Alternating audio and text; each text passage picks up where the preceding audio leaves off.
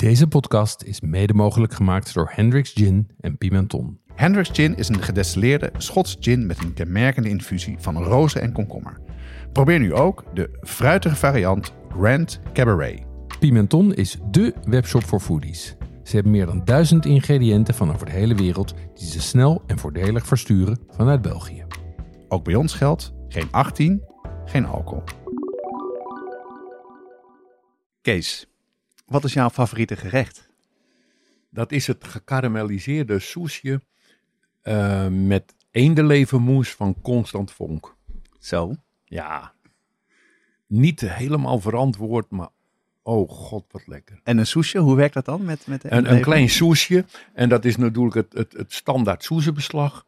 Eh, je bakt ze en dan zet je een karamel op in die volgorde. Suiker met een, eh, met een derde water. Het dus altijd goed afmeten. Dat kook je blond, eh, oftewel 160 graden. Ehm, en dan doop je die lege soesjes nog, die doop je er even in even, en, en die zet je weg. En die zijn binnen een paar minuten koud. En dan gaat via de onderkant de eendenlevermoes erin. En dat is eh, met luchtig geklopte boter, met eendenlever en heel licht op smaak gebracht. En die gaat er met een klein spuitje, dus je maakt een klein gaatje aan de onderkant van het soesje. Ja, en dat is hem. Ik begin te kwijlen, Kees. Ja, en daar, en daar hoort dan een dessertwijn bij. Oh. Heel goed. Hey, je merkt het al, we hebben een nieuwe gast, Kees Holtkamp.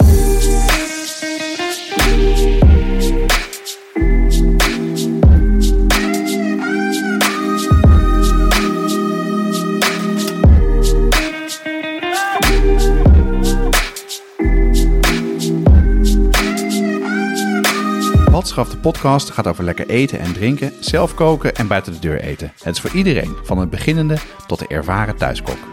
Alle recepten en tips uit de podcast staan in de show notes op watschapdepodcast.com. Op Instagram, Facebook en Twitter delen we doorlopend wat we koken en eten. Elke aflevering starten we met een drankje, dan bespreken we onze culinaire ervaringen en staat er één onderwerp centraal.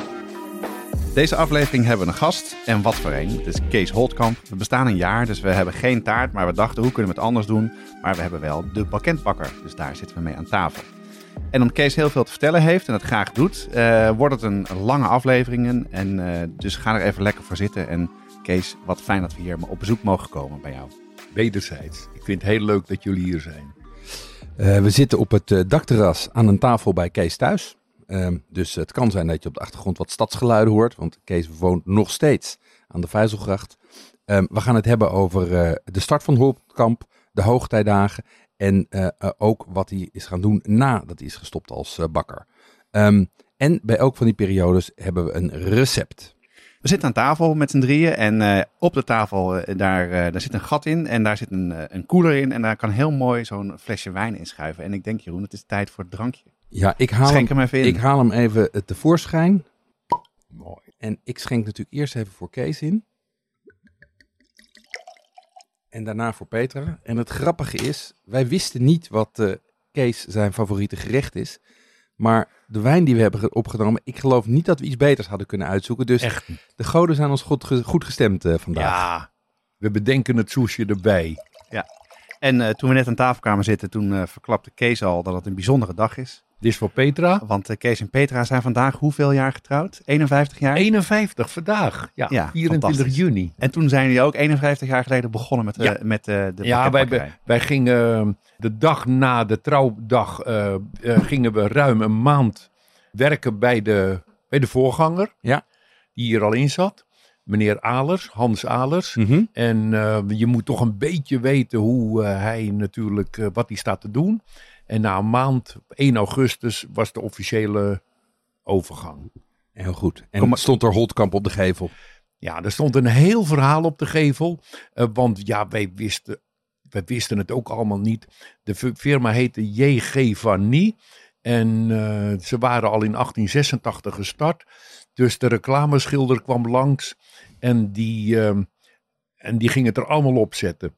Dus dat, dat, dat tekent ook een beetje de onzekerheid van ons. Dus banketbakkerij C.A. Holtkamp. Mhm. Eh, voorheen J.G. van Nie, sinds, eh, sinds ehm, 18 in het Engels. Want dat werd ook nog verteld van, eh, ja, daar zit hier, die, die- er was een maand eerder open gegaan, Arthur Frommer in de Noorderstraat.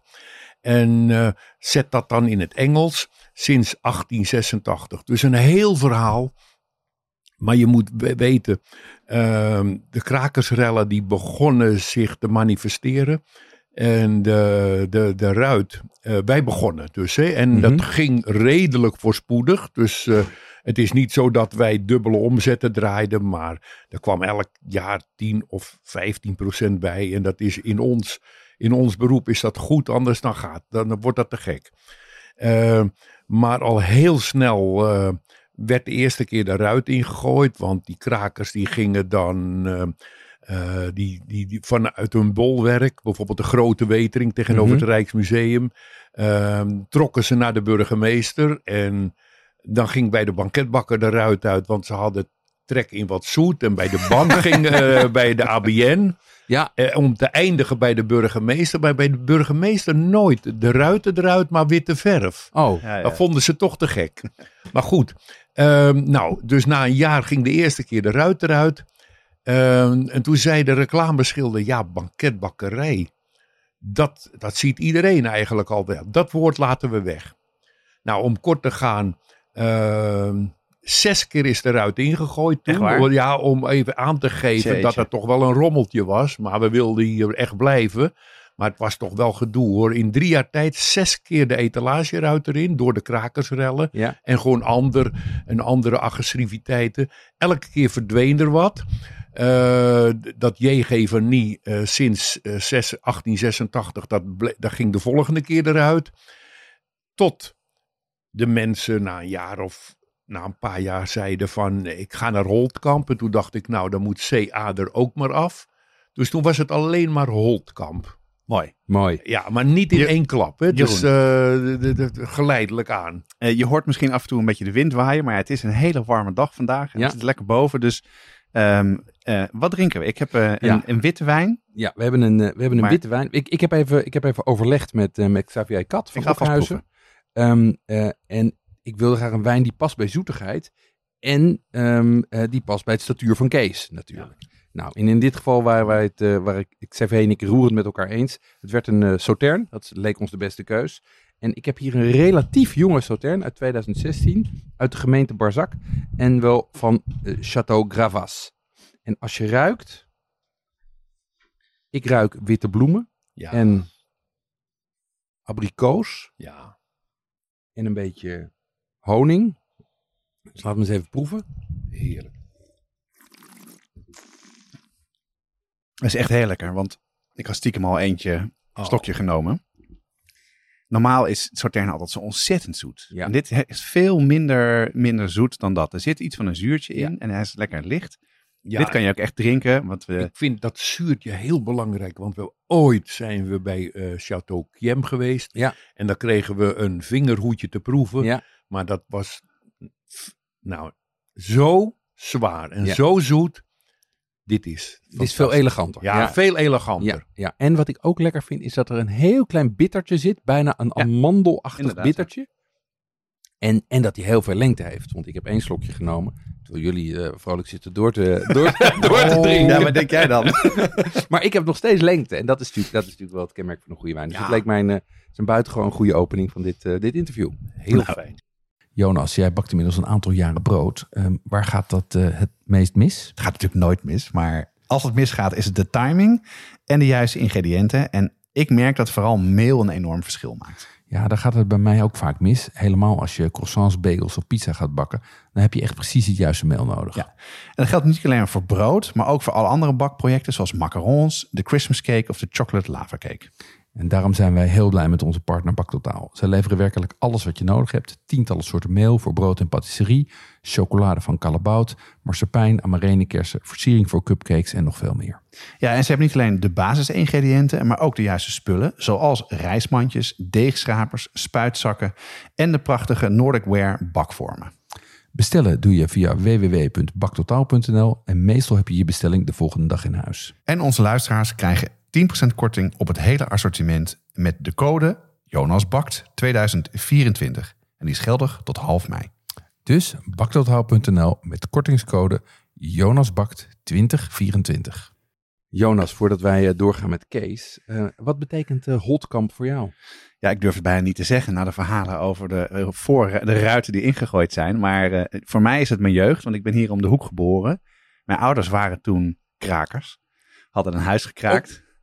Maar gelukkig niet van dat soort krakers die ook door de straat liepen, maar gewoon een huis nodig hadden. En wonen om de hoek. Um, en voor mij is dat mijn jeugd. Ik heb nog even aan mijn moeder gevraagd hoe het was, want we woonden daar rond de tijd dat ze begonnen zijn. En uh, mijn moeder zei, ja, ik ging daar altijd een kroketje halen. Dat is uh, waar ze het van kent. En voor mij is het um, voor een speciale gelegenheid. En uh, we koken heel erg veel uit je kookboek. Dat is toch mijn zoon, zijn favoriet zijn de madeleines. En dan vroeg me stiekem al toen ik hier naartoe ging, pap, kan je ook aan meneer Holtkamp vragen hoe je een lekkere slagroomtaart maakt? Dus misschien dat we daar vandaag nog even wat meer tijd aan kunnen besteden. Ja. En voor jou, Jeroen? Ja, de, ja, voor mij is het enigszins vergelijkbaar. Uh, uh, Sascha, mijn, uh, mijn vrouw, die woonde hier op nummer 89, zeg maar een aantal deuren verder. Dus, dus ook ik in de jaren 90. Dus ook voor mij was het een, een plek waar je relatief veel kwam. Um, en, en dat hebben we toen ontdekt. En sindsdien ga, ik er, ga ik er regelmatig los. meestal ga ik dan voor één taartje. En kom terug met amandelkoekjes en zoute koekjes en madeleines en garnalenkroketten. Dus het is een, ja, het is een instituut voor ons. Um, en het is ook eigenlijk zo dat bij ons bij alle uh, grote verjaardagen en geboortes van kinderen, dan zijn er, uh, zijn er taarten of soms zelfs een croquembouche van, van Holtkamp. Nou, en dat is ja, heel belangrijk. En inderdaad, sinds dat boek uit is, um, ook voor ons is dat een, een standaardwerk als we klassieke patisserie willen maken. Dus we zijn ontzettend blij om hier nu te zijn. Nou, voor de mensen die Kees niet kennen, we kunnen ons bijna niet voorstellen, maar toch even netjes om hem voor te stellen. Kees Holtkamp is de oudste zoon uit een bakker. Ik ga even over je praten, Kees. Uit een groot bakkersgezin. Toen hij 12 was, ging hij naar het bakkersinternaat en ging op zijn vijftiende werken bij de eerste bakkerij. In 1969 uh, getrouwd met Petra en tegelijkertijd zijn hij toen gestart met de patisserie Holtkamp aan de Vijzelstraat in Amsterdam. Kees als bakker en Petra als gastvrouw. De banketbakker is nu een begrip in Nederland vanwege zijn kroketten, patisserie van constant hoge kwaliteit en de gasvrijheid in de winkel. Zelfs het Koninklijk Huis is een vaste klant van Holtkamp. En nu is Kees met pensioen en runt met zijn runt zijn dochter, de banketbakker, en zijn ex-schoonzoon de horecatak. Kees is blijven bakken met zijn kleindochter Stella van Foodtube, daar komen we zo op terug. En samen met Johanna Freud heeft hij uh, een tijd geleden het kookboek De Banketbakker gemaakt. En wat een instant klassieker was. En zijn vrouw Petra is nog steeds parttime gastvrouw. Uh, maar dan nu bij het OVG in Amsterdam. En Kees zet zich nu in om oude banketbakkers klassiekers zoveel mogelijk te delen. En geeft in Amsterdam rondleidingen over zijn andere passie, architectuur. Kees. Klopt. Helemaal goed. Helemaal Dankjewel. Goed. Je zit hier uh, sinds uh, 1969. Ja. Um, dat is, dat, is, uh, dat is 50 jaar geleden, 51 jaar geleden. Kan jij voor ons een beeld schetsen hoe de stad er toen uitzag in vergelijking met nu? Ja. Um, kijk, de stad fascineerde me. Want ik wilde naar deze stad. Mm -hmm. Het is vanuit het west, vanuit Delftland. Ja. Delftland. Amsterdam trok mij enorm.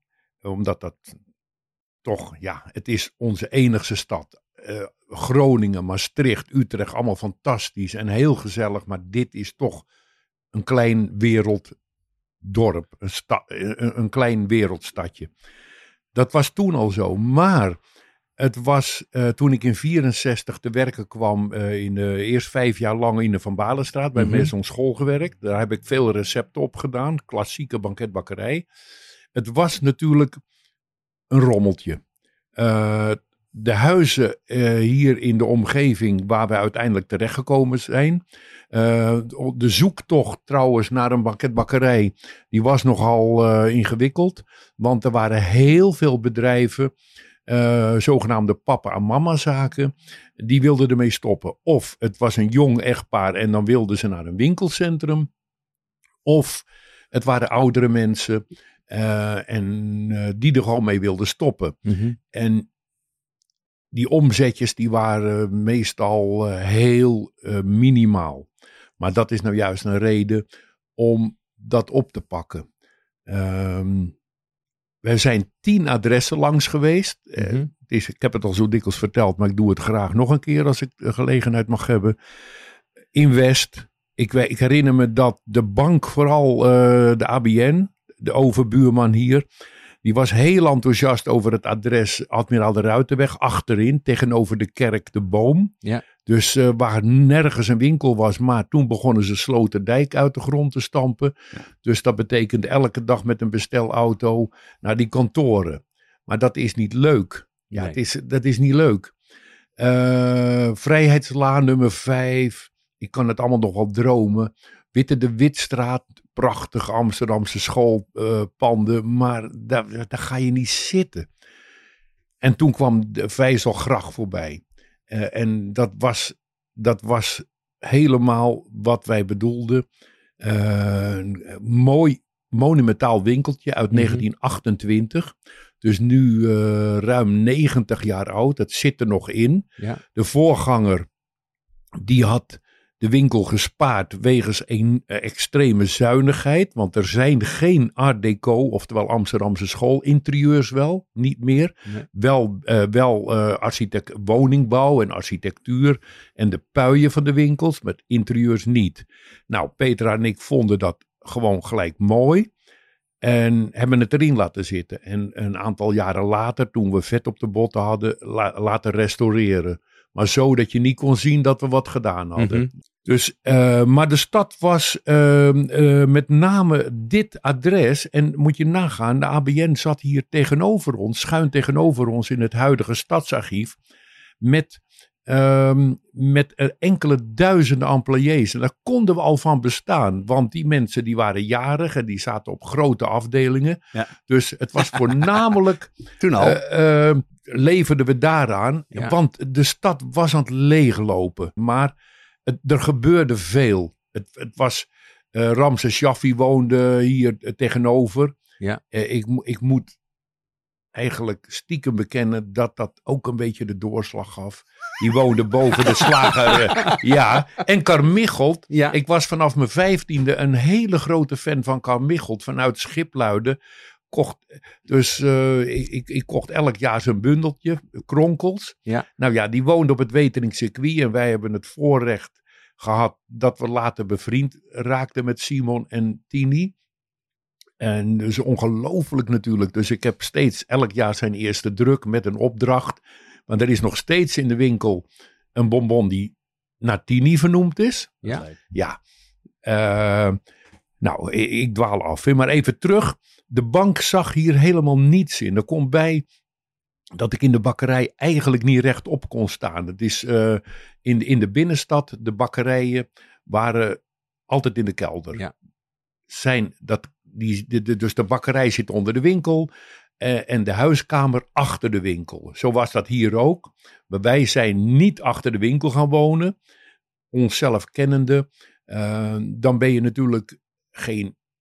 Dan ben je 24 uur bezig. Ja. En niet die 12 uur wat ervan kwam of nog langer. Dus we konden het appartement hierboven huren. Twaalf jaar lang waren we nog geen eigenaar. Nou, even terug naar dat besluit om hier te gaan zitten. De bank zag er niets in, ondanks hun eigen employés.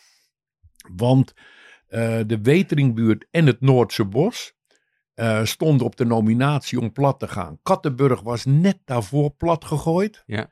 Eh, bij de Jordaan waren ze het van plan om grote parkeerplaatsen te maken voor de grachtengordel. Ja, je kan het je niet Nee. voorstellen. Ja.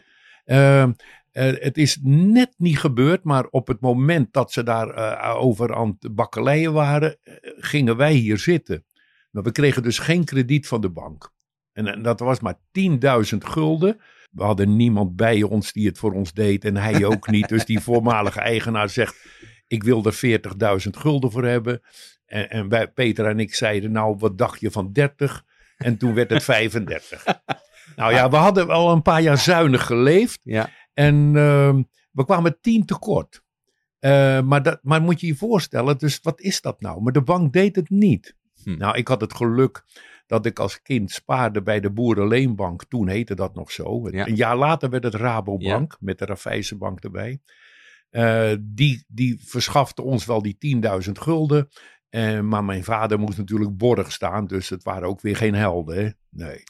En, en wat voor Wat voor andere eh, middenstand zat hier in de buurt? Je noemde net al even de slager aan de overkant. Ja, er zaten hier vijf slagers. De buurman was een slager in de Vijzelstraat. Er zaten er vijf, net zoals bakkers.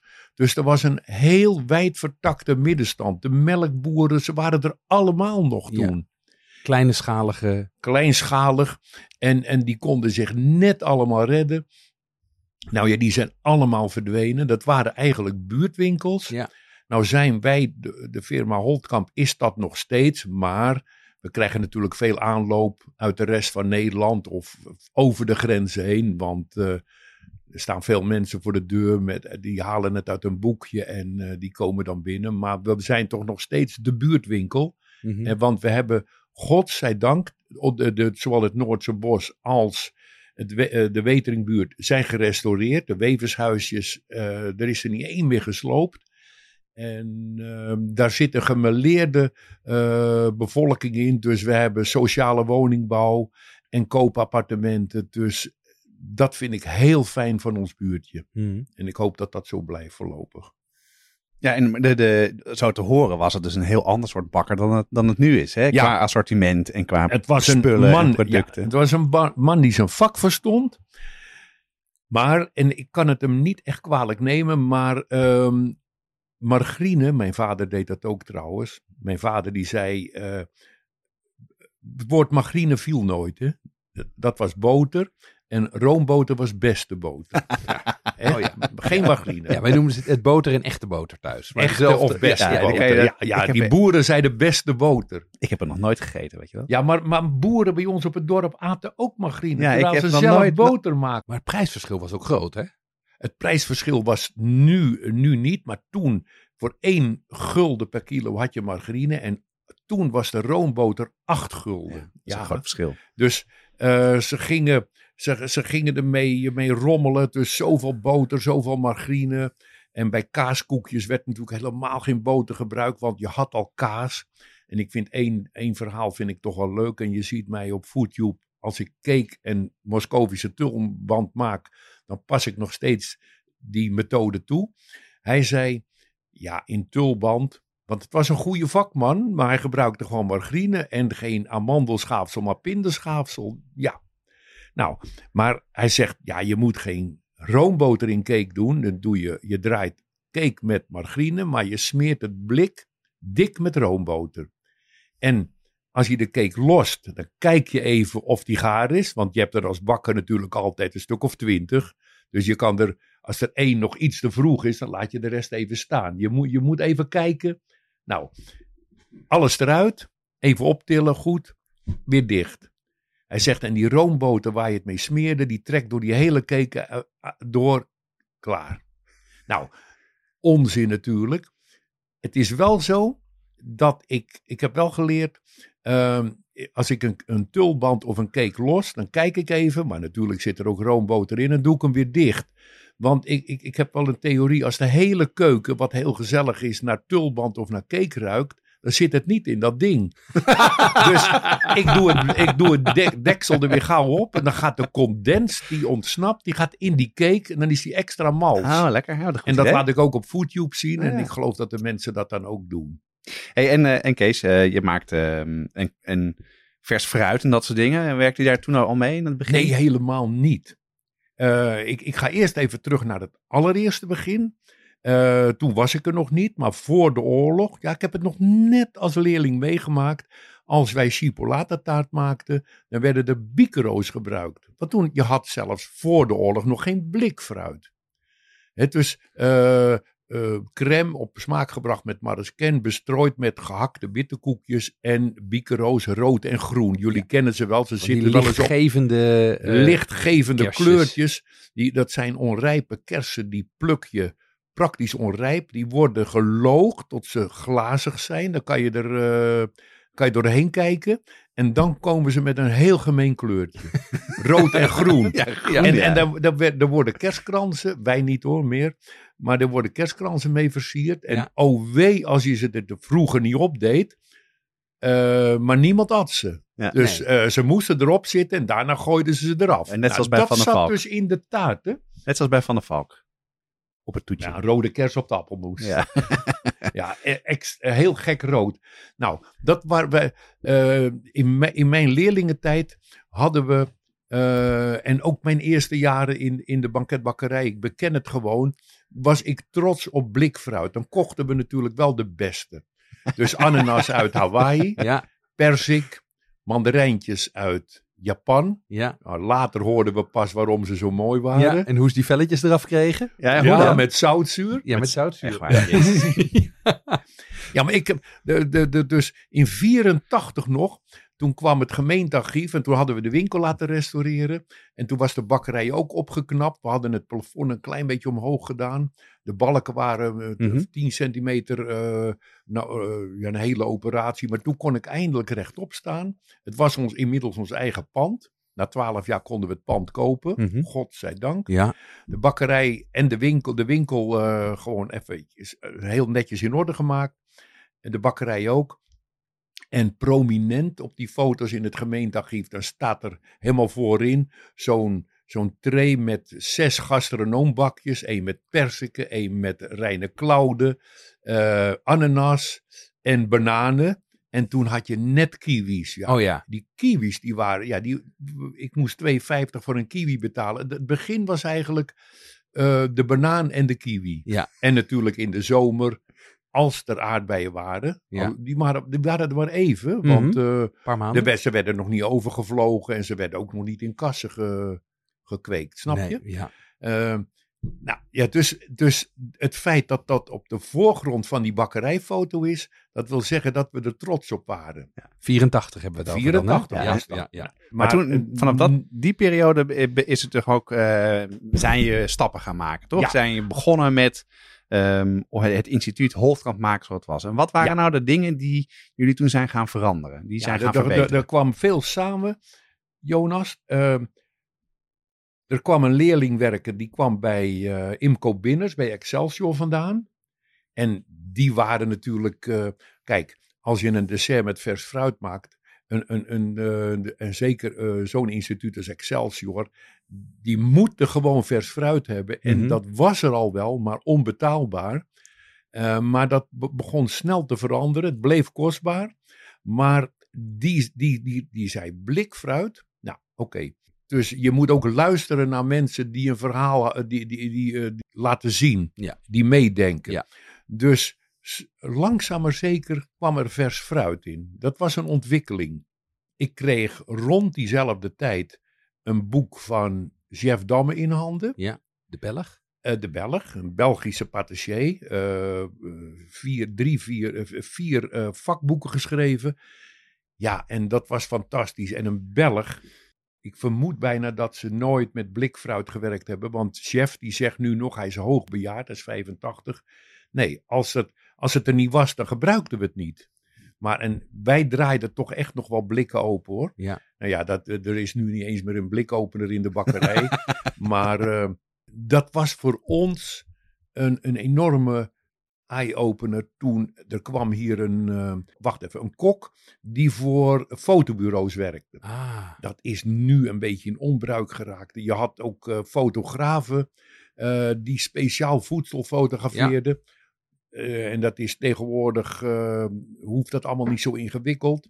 Maar, maar ze kunnen het heel veel sturen, verplaatsen, weet je wel. Ja. Ja. Maar, eh, eh, en, en die liet dat boek van Jeff Damme zien. Ja, toen ging er een wereld voor me open. Wij hadden dat soort taartjes ook wel, desserttaartjes, in Frankrijk gezien, in Parijs. Maar dat vonden we toch, ja, dat, nou, dat was te ver weg. En, eh, of tenminste, nee, niet Parijs, maar dat, dat willen ze niet in Amsterdam. Maar door dat boek van Jeff ging, gingen we het gewoon proberen.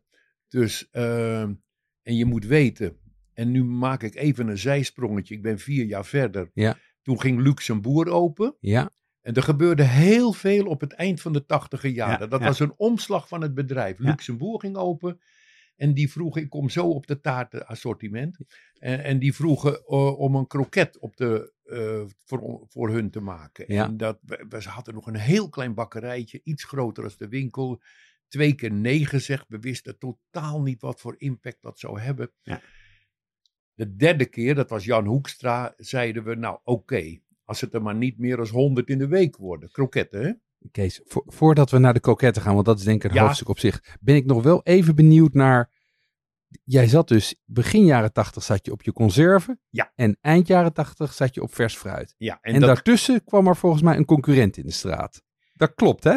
ja, maar mag ik eerst nog even zeggen dat ik ook dat Constant Vonk Ja. kwam ik tegen bij Luxemburg. Dat, dat, dat, dat is echt toch even essentieel om te Mhm. vertellen. En ik maakte nog de klassieke taarten. Want banketbakkers, Jeroen, die zijn heel conservatief. Er moet heel wat gebeuren, willen ze het roer omgooien hoor. Ja. En er was een kok, Constant Vonk in Horen, de oude Rosmolen. Ja. Twee sterren, meen ik. En die was, eh, hij is eerder genoemd, zijn soesje Ja. met eendelevenmoes. Maar hij maakte de patisserie voor Luxemburg. En hij deed eh moes.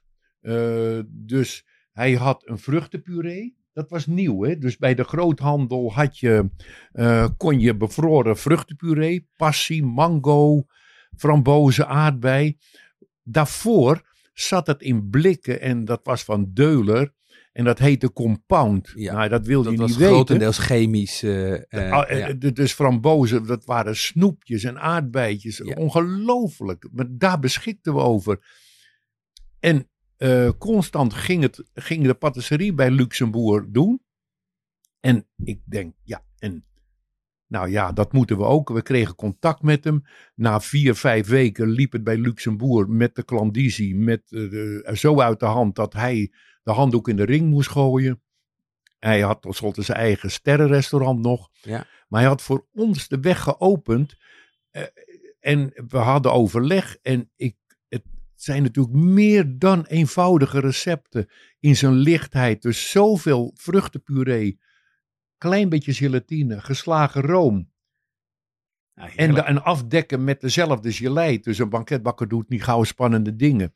Nou, dat was voor ons de reden om naast het gebak wat we voor Luxemburg gingen maken, om desserttaartjes van, van die samenstelling te maken. Ja. En er gebeurde nog wat anders rond die tijd. Dat was op de hoek kwam Multifly. Multifly. De eerste vestiging De eerste van. Nederland. Ja. Van Nederland Van? Nederland. Ja, Oh, dat was de eerste vestiging. Heb ik uitgezocht. Ja. Ja. En dat hakte erin. Ja. Want waar, eh, ik maakte in zo'n aluminium bakje van 18 centimeter. Dat is een, de- die, die is een heilige maat nog steeds beneden. Ze altijd 18, dat zijn van die, waar, waren van die weggooibakjes. Daar maakten we een appeltaartje Ja. in. En ik maakte een soort flytaartje in dat aluminium bakje. Maar ja, wij produceerden met kleine oplages dus. En daar kwam Multifly overheen. En die spoten nog een hoop slagroom op en weet ik veel. Dus wij, wij moesten wat anders gaan doen. Toen gingen we het aluminiumbakje weglaten. Ik ging een taartpannetje van dezelfde omvang. We hadden natuurlijk al, kijk eens, je moet natuurlijk eh, zuinig zijn. We hadden al een doosje van eh 19 bij 19 waar dat taartje in kon. Ja, ja, ja. Je gaat er niet alles overboord gooien. Nee. dus dat pannetje was hergebruikt 18 centimeter. Ja. En, en daar ging het, eh, dat noemen we hier vruchtenvlaatjesdeeg, volseerdeeg, Ja. ging erin. En Frans Japan. Een, de Frans Japan normaal is nog is stug. Dat is amandelspijs, boter, ei en een lik boter. Ehm, maar je kan het opleuken met of gele room of crème fraîche. Nou, dat laatste deden we. En dat ging erin. En je had toen, ja, geen verse frambozen, maar je had toen een redelijke eh, kwaliteit diepvriesframbozen. Ja. dus dat was, nou, dat ging ik doen. Dat taartje gingen we helemaal vol leggen met frambozen. Een luxe, vla- ja, een vlaai was het eigenlijk niet. Het was geen gerezen deeg. Ehm, en, en in een vlaai zit geen Fransje pan Nee. maar wel de vorm. Nou, eh, dat hebben we zo'n jaar gedaan. En toen kwam dat boek van Jeff, eh, dat sloeg ik eens open. En die had, omdat die diepvriesframbozen, die, heb, die, die groeide op eh, ergens in Frankrijk met weinig zon. Ja. Weinig zon betekent zuur. Ja. Ehm, want dan lekken ze niet, hè? Ja. Ja. Want als je overrijpe frambozen hebt, ja, die zijn heerlijk. Je wijst er maar naar en ze beginnen ja, te bloeden. je wijst ernaar en En- er ligt een plasje. En jongens, wat is dat dan voor de, de, de, de bakleek? Wat is lekker van frambozen of uh, Dat aardbei? ze, dat ze sap verliezen. En dat, Ja. het, dat het dus door Ja, dat gaat in de begint- taart. Dat en het dat- begint te Hoe, verkleuren. eh, en, hoe, ja. hoe, hoe zwakker de framboos, hoe lekkerder. Ja. Hè? Ja, het is zo. Ja. Nou, dat moesten wij niet hebben. Eh, Dus we moesten een vrij stevige hebben. En eh, we geleerden met neutrale gelei. Die frambozen die spraken al genoeg voor zichzelf. Want ze geleerden dat neutraal. Deden we daarvoor ook nooit, Jeroen. Want een bakker, er is zelfs een, een werkwoord wat alleen in bakkerijen voorkomt. Abricoteren. Ja. Hè? Abrikozenmoes. Ja. ja, als je blikfruit hebt waar alle fut uit is, al is het mooi. Dan zet je een pan abrikozenmoes op, die kook je met kwast erin. En daar, daar geleer je dat gebak mee. Het begint mooi te glimmen. Het moet smaak. glimmen. Ja. Ja, en het fruit eh, blijft natuurlijk eh, langer mooi. Hè? Ja, Ja, ja. Je beschermt het. Maar met dat verse fruit ga je dat niet meer doen. Dus er ontstond een, ehm, een, een neutrale gelei. En dat is heel eenvoudig. Gewoon gelei, suiker en water. Ja. Want, want er is smaak genoeg. Dus je moet het alleen maar even laten glimmen en beschermen. Dat ging er overheen. Toen zag ik dat chef Damme om, dat, om die frambozen nog een merengerandje had. Ehm, en dat deed hij, want wij zouden dan bolletjes doen. Maar hij gebruikte een merengespuit. En dat is een gladde spuit met een veetje eruit. Ja. Duikelman en andere eh keukengereedschappenwinkels, die hebben gewoon merengespuit. Maar toen ging ik met dat vakboek van Jeff naar Duikelman en Hans Appelboom, toen natuurlijk de eigenaar nog, die, die had er ook nog nooit van gehoord, die ging dat voor me bestellen. Dat maakt nou net even dat mooie bovenkantje, dat heeft een kleine scherpte. En dat ga je, nadat het opgespoten is, ga je dat even schroeien. Dat randje krijgt dan iets meer kleur. Dus dat is heel subtiel. We wisten niet eens dat het bestond. En die tegenhanger met die vrij rinzige frambozen, ja, dat is het. En dit is een Italiaanse merengue. Hè? Een gekookte merengue, Ja. geen gebakken Je, merengue. bent, je hebt je huiswerk wel heel goed gemaakt. Ja, en dat heeft een reden. Want Ja. het is die jullie- Italiaanse merengue is de moeilijkste, Ja. de mooiste, lekkerder als rauw, rauwe of Hollandschuim is die niet, maar hij is sterker. Ja. En daar kom, je, dan kom ik weer op het banketbakkersgebied. Als wij een taartje afleveren, dan moeten we ervan uitgaan dat het niet onmiddellijk opgegeten wordt. Dat, dat moet er de volgende dag nog op zitten.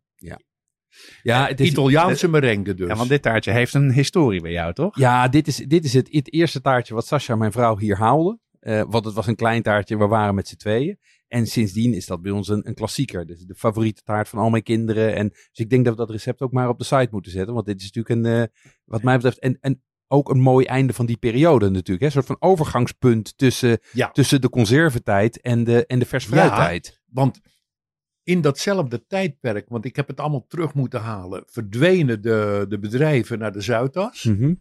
En daar werd wel heel rauwig om gedaan, maar dat heb ik niet vervelend gevonden. Want het is veel leuker als een groot bedrijvencomplex, als dat appartementen bevat, met, eh, met, met allerlei families. Eh, qua omzet kan je beter een bedrijf hebben, want die- als die mensen jarig waren, dan moesten ze trakteren. Ja, een grotere Maar je, afdeling je, hebt minder omzet met die appartementen. Maar het is voor alles beter. De leefbaarheid. Dus mensen kwamen weer terug in de stad. En, en, eh, en we kwamen er op de Zuidas niet meer aan te pas. Want inmiddels was dat overgenomen door cateraars. Die gingen ertussen zitten. Dus dat was totaal niet voor ons interessant om naar de Zuidas te rijden met gebak. En dan eerst en dan 20% korting te geven om dat formaat of welke, welke cateraar er ook tussen zat. Ja. Want die, het liep via formaat. Dus eh, niet interessant. Dus, en dat is het moment. Want je kan natuurlijk niet als er 50 eh, bankemployés in een hal zitten. eh, in het, nu het stadsarchief. Met vijf, zes desserttaartjes aankomen. Maar dat kan wel op een privéadres. En dat is Petra de werk geweest. Als iemand. Want je, jullie kennen dat nog wel. Bij een verjaardag dan gaat er een doos gebak rond waar er twintig gesorteerde gebakjes, een harde wenerschuitje, Ja. een mok op een bananensoes, een tompoes, een harde mokka. Dat is allemaal fantastisch gebak. Maar leuker is het natuurlijk om gewoon op tafel of op je buffetje zet je vier taartjes. En als de mensen het niet durfden, dan sneden wij dat in stukjes. En dan pak je een stukje citroentaart, een stukje van dit en een stukje Ja, van dat. ja. Eh, veel leuker. Ja, veel Maar feestelijker. De mensen wilden er in eerste instantie niet aan. Maar daar liepen we redelijk eh, op vooruit. Nou ja, het is zo. Maar dat heeft allemaal heel lang geduurd, mensen. Maar eh, Hey, en over het die is er wel van gekomen. Zeker, want dat is een beetje de, de, de eindtijd van het begin, om het zo maar te zeggen. Dus toen kwamen we eigenlijk, eh, begonnen we zo, kwamen een beetje eind, eh, eind jaren tachtig in Amsterdam. eh kwam eigenlijk in de tweede fase, wat je toch wel de hoogherdagen van Holtkant kan noemen. Maar heel even terug, want dat in de citroen... eerste fase kenden de mensen ons niet. Nee, precies. Ik moest altijd uitleggen hoe je mijn naam moet spellen. Nou, dat hoeft niet meer. Maar goed, ik, eh, ik kan me over... eh, Dat citroentaartje, hè? Ja. Eh, je had het net over de vulling die daarin zat. Hè? Dat, eh, maar ik meen me te herinneren, dat heb je, we hebben een voorgesprek gehad. En dan heb je een mooie anekdote verteld over dat je met een, een topchef ging praten over citroentaart. Misschien kan je dat even met ons Ja, delen. dat wil ik heel graag vertellen, want ik geneer me daar echt niet voor. Eh, er stonden hier ook de, de, de potten van Deuler, hè? Ja, De compound. compounds. Citroencompound, aardbeien, framboos. Ja, 32 echt, hoor. smaken. Elk jaar een Ik- nieuwe ik- smaak. Ja. Ja. Eh, ik durf het te zeggen, omdat we er uiteindelijk afscheid van genomen hebben. Maar ik had wat gemaakt met compound en John zegt... En wie Want is ik John? liet het aan John Halvemaan, Ja? sorry. Een helaas overleden. Hij was niet makkelijk eh, om, om eh, sociaal mee te praten. Als we zo over koetjes en kalfjes moesten praten, dan kwam er niks uit. Maar als het over het vak ging, het mijne of wat van hem, dan eh, kwam er geen eind aan. Hij zei, en ik, ik, ik beken het gewoon. Joh, je hebt kisten en daar zit, die zitten vol met gele dingen. Als- Wil je, zou je dat niet eens willen proberen? Voor je citroentaartje. Citroenen. Ja. Ja, En dat was... eh, en- hij proefde natuurlijk dat dat compound was. En Ja, ik ja. kan nog niet begrijpen dat we dat toen eventjes deden. Hè? ja, nou, Ja. Maar ja, dat citroentaartje, ja, dan moet ik zeggen, kijk, die bodem hadden we al. En eh, John was het er overigens niet mee eens. Hij zegt, ja, die bodem die is wel stevig en krokant, maar die heeft ook iets zachts. Als je hem nou blind bakt, eh, die blinde bodem, ik denk, ja, als de mensen dan, en, en je, je, je klopt eh, eh, eieren op, citroensap en boter, je giet dat erin, nog even rustig de oven in een damereng op. Ja. Ja, als de mensen eh, de volgende dag eten, is die blinde bodem niet krokant meer. En Nee. dan gaat het hele effect verloren. Hij, Ja. John wou dat contrast. Maar eh, dat is er wel. Ja, als je een restaurant hebt, moet je het zeker doen. Als je het op de dag zelf serveert. Ja, ja. Ja. ik herinner me dat eh, de restaurant, dat was weer een paar jaar later, restaurant eh, Amsterdam ging open. En wij mochten daar de patisserie leveren. Dat wil zeggen dat ik dan bodems van 30 centimeter bakte voor Liesbeth Mijnlief. Ja. Die heeft Amsterdam met eh nog Milène opgezet. Oh, zo ja. Ja. Milijn loopt nog En, en steeds rond. Kobe. En Milène zit er nog natuurlijk. En wij deden ook maatwerk. Dus ik deed dat. Ik deed bodems blind bakken. En als ze net uit de oven was, waren, dan zet ik er een taartverdeler op. Want die hebben wij. Want alle punten moeten even groot zijn. Ja, ja, en dan, ja. je hebt ongeveer twee minuten de tijd om het mes er doorheen te halen. En dan heb je allemaal losse punten. Kijk, en die zaten in een trommel in Amsterdam. En die deden daar hun ding mee. Oh, dus altijd krokant. Ja, ja, ja. Ja, Snap ja, je? Wat slim. Dan kan het wel. Ja. Halffabrikaat Ja, maar eigenlijk. Lisbeth is en was een hele goede kok hoor. Die stond in de keuken. Milène was gastvrouw. Ja, een gouden formule. Ja, nog steeds. Oh, ik, nog ik steeds. woon er om de hoek en het is, eh, mijn, Het is- mijn favoriete plek. En ik heb er na, laatst weer op het terras gegeten en Oh, oh, heerlijk. En gelukkig liep Milena nog steeds rond, Al, druk te helpen. Milène is er al, altijd. En Ja.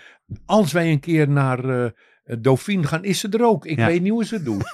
Ik denk dat het er twee zijn. Stiekem, ja. Ik zie- ik zie ze altijd. Ja. Nou, zo loste dat op, maar dat dat is een banketbakker niet gegeven. Dus ik gebruikte dezelfde bodem en dat gebeurt nog steeds. En nou, ik had van Constant gehoord van, joh, vruchtensap en gelatine en slagroom, dan heb je moes. Hè? Ja. Eh, er ging nog een klein beetje, eh, natuurlijk, en dat, tot op de dag van vandaag persen ze zelf de citroenen. Dat zijn nu kistenvol. Dus eh, zelf persen, dat was ook zoiets. Het begint natuurlijk uit voorzichtigheid. Ehm, zelf persen van, van citroenen van ja, waarom zou je een heel duur apparaat gaan kopen? Eerst maar eens even kijken of het gaat lopen. ja. Ja, en dan kom je tot de ontdekking. En natuurlijk, op een gegeven moment werd het wel heel heftig. En, eh, dan, ehm, en, en dan bestel je zo'n jerrycan van geperst vruchtensap. Daar zit een bittertje in. Ja. Nou, nou kan je dat ergens hè? tegenkomen en dat kan uit, eh, eh, goed uitpakken, maar niet bij citroensap. Nee. Want dan is dat wit een beetje meegenomen. Die, Ja. die, die, die, dat- machines drukken te hard. die Ja, dat is een beetje gewoon, die drukken te hard. Want het sap moet eruit. Ja. Nou, en ze doen beneden dus, eh, ik geloof 95% of 90% citroensap en een heel klein beetje sinaasappelsap. Dus, eh, en met de hand, dus dan krijg je een zachte, maar heel Ah. herkenbare citroensmaak. En daar gaat jouw Italiaanse merengue op. Want die hadden we al van de, Ja. van, dat is heel, Ook heel efficiënt te- gedacht eigenlijk. ja, hè, maar ook heel gemakzuchtig. Maar ja, we hadden een succes. En nu is het, eh, het citroentaartje overvleugeld alles natuurlijk. Maar uit een soort gemakzucht ontstaan. Ik moet, het, ik moet mezelf niet helemaal naar beneden halen. maar toch. eh, Nou ja, of goed ja, ondernemerschap, nou, kan je het ook ik noemen, zeg maar- toch? We hebben het er wel eens vaker over gehad. Dit, sommige van dit soort klassiekers zijn natuurlijk eigenlijk gewoon toevalsdingen. hè? Net als, Ja. de, als de bouwers van David Chang. Je Ja. maakt dat toevallig en dan blijkt dat ineens een doorslaand succes te zijn. Je gaat natuurlijk nooit aan een bureau zitten van ik ga wat bedenken. Nee, eh, de dingen die hier beneden wat zijn geworden, dat zijn, dat, die, die zijn uit een vergissing ontstaan. Eh, Mag ik één anekdote noemen? Eh, graag. We zaten zeker. een jaar. Ik moet erbij zuchten. We zaten een jaar in de zaak. En, en mijn vader en moeder leefden nog in Schipluiden. Mhm. dus, en dat was 1970, de Ja. eerste paas. Dus één week voor Pasen gingen we na- naar mijn ouders. Mhm. We hadden nog geen auto. Ja.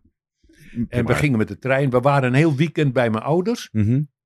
En ik was het zonnescherm vergeten. Bleef omhoog. Ik had allemaal paaseieren. Maar ik had dat. ja, ja, Ja, ja, ja. ik had. eh, Van chocola. ja, maar ik, ik, had, ik had ergens eieren gezien. En ehm ze worden niet meer gemaakt. En dat vind ik heel jammer. Eh, dus eh, melkchocola. Ja. Volgeplakt met noten. Weet je wel, in cirkels of gewoon een Ja. decoratief eh, idee.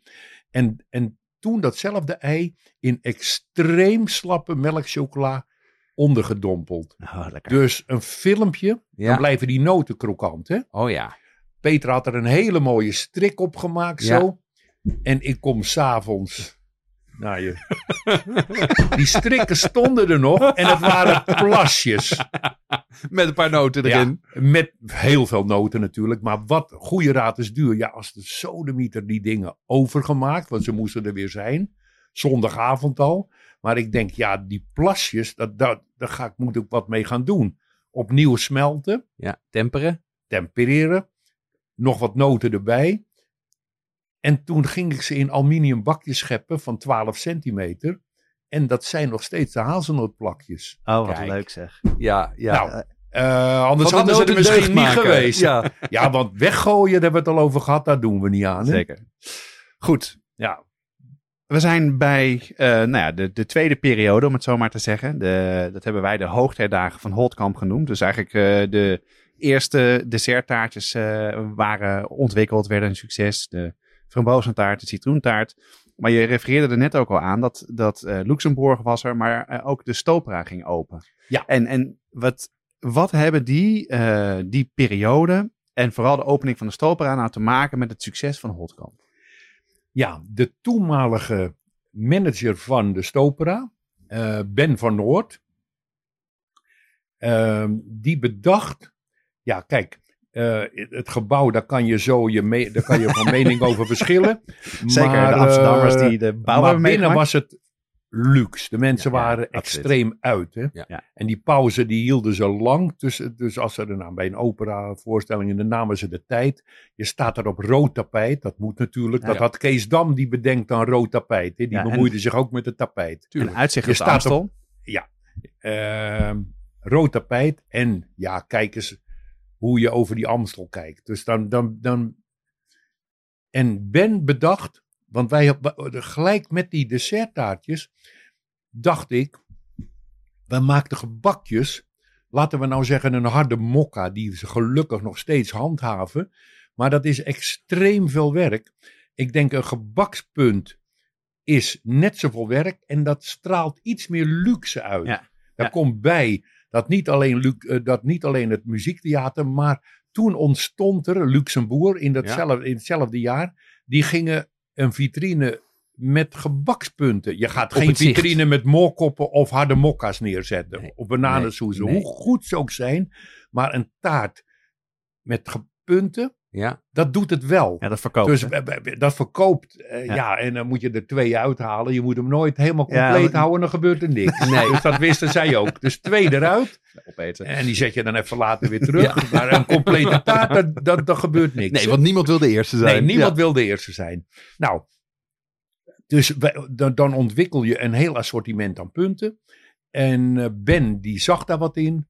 En eh, er kwam daar een prachtige gebaksvitrine.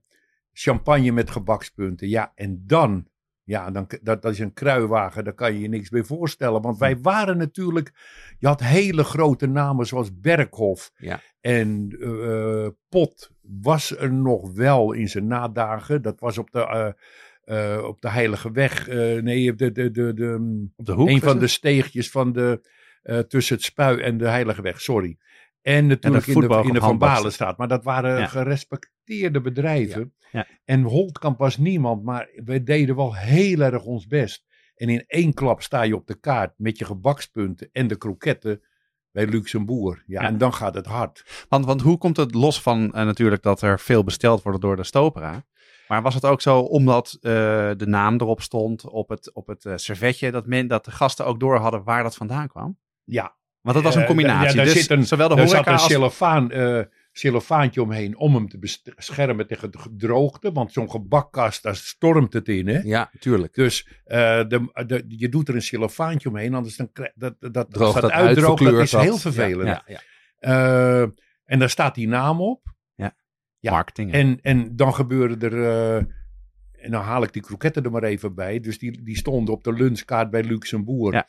Want Ja- Jan had nog dat is even. dezelfde tijd, hè? Dus zowel de Ja, dezelfde tijd. Ja. In hetzelfde jaar gebeurde er zoveel dat we. Nou ja, dat, dat was een, een, een, een cultuuromslag. Eh, we werden onder de voet gelopen. Ja. Hoe, hoe los je dat nou op? Ja, en Ja. dat was dus bij, dus de, in de Stopera was een eh chic een, een, een, taart met champagne. En in Luxembourg, wat en zeker in die tijd. een, een heel assortiment. Hij had wel acht soorten. oh, dat helemaal wel. ja, cheesecake, chipolata, Ah, oké. eh, een, een karamel. Ja, Oh, leuk. sommige punten. Het was de citroenpunt natuurlijk toen al. Want Ja, toen, ja, we dat, toen dat taartje wat werd. Ja, dan ga je datzelfde verhaal Tuurlijk. natuurlijk op 30 centimeter doen en in 12 versnijden. Ja. dat is ook niet zo gek ook. Hè?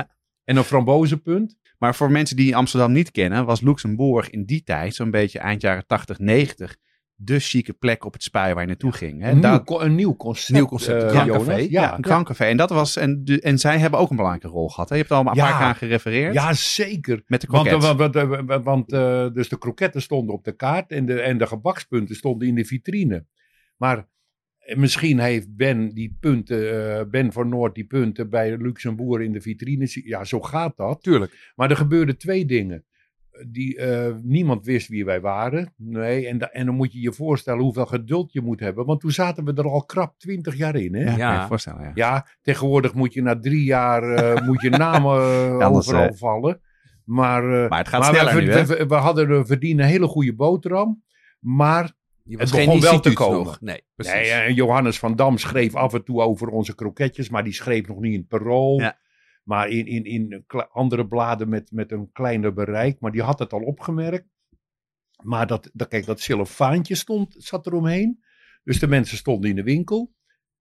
Zo van, ik heb daar een gebakspunt geproefd. Van, eh, staat die hier ook? Ja, natuurlijk. Ja. En eh, nog belangrijker, gelijktijdig die kroketten.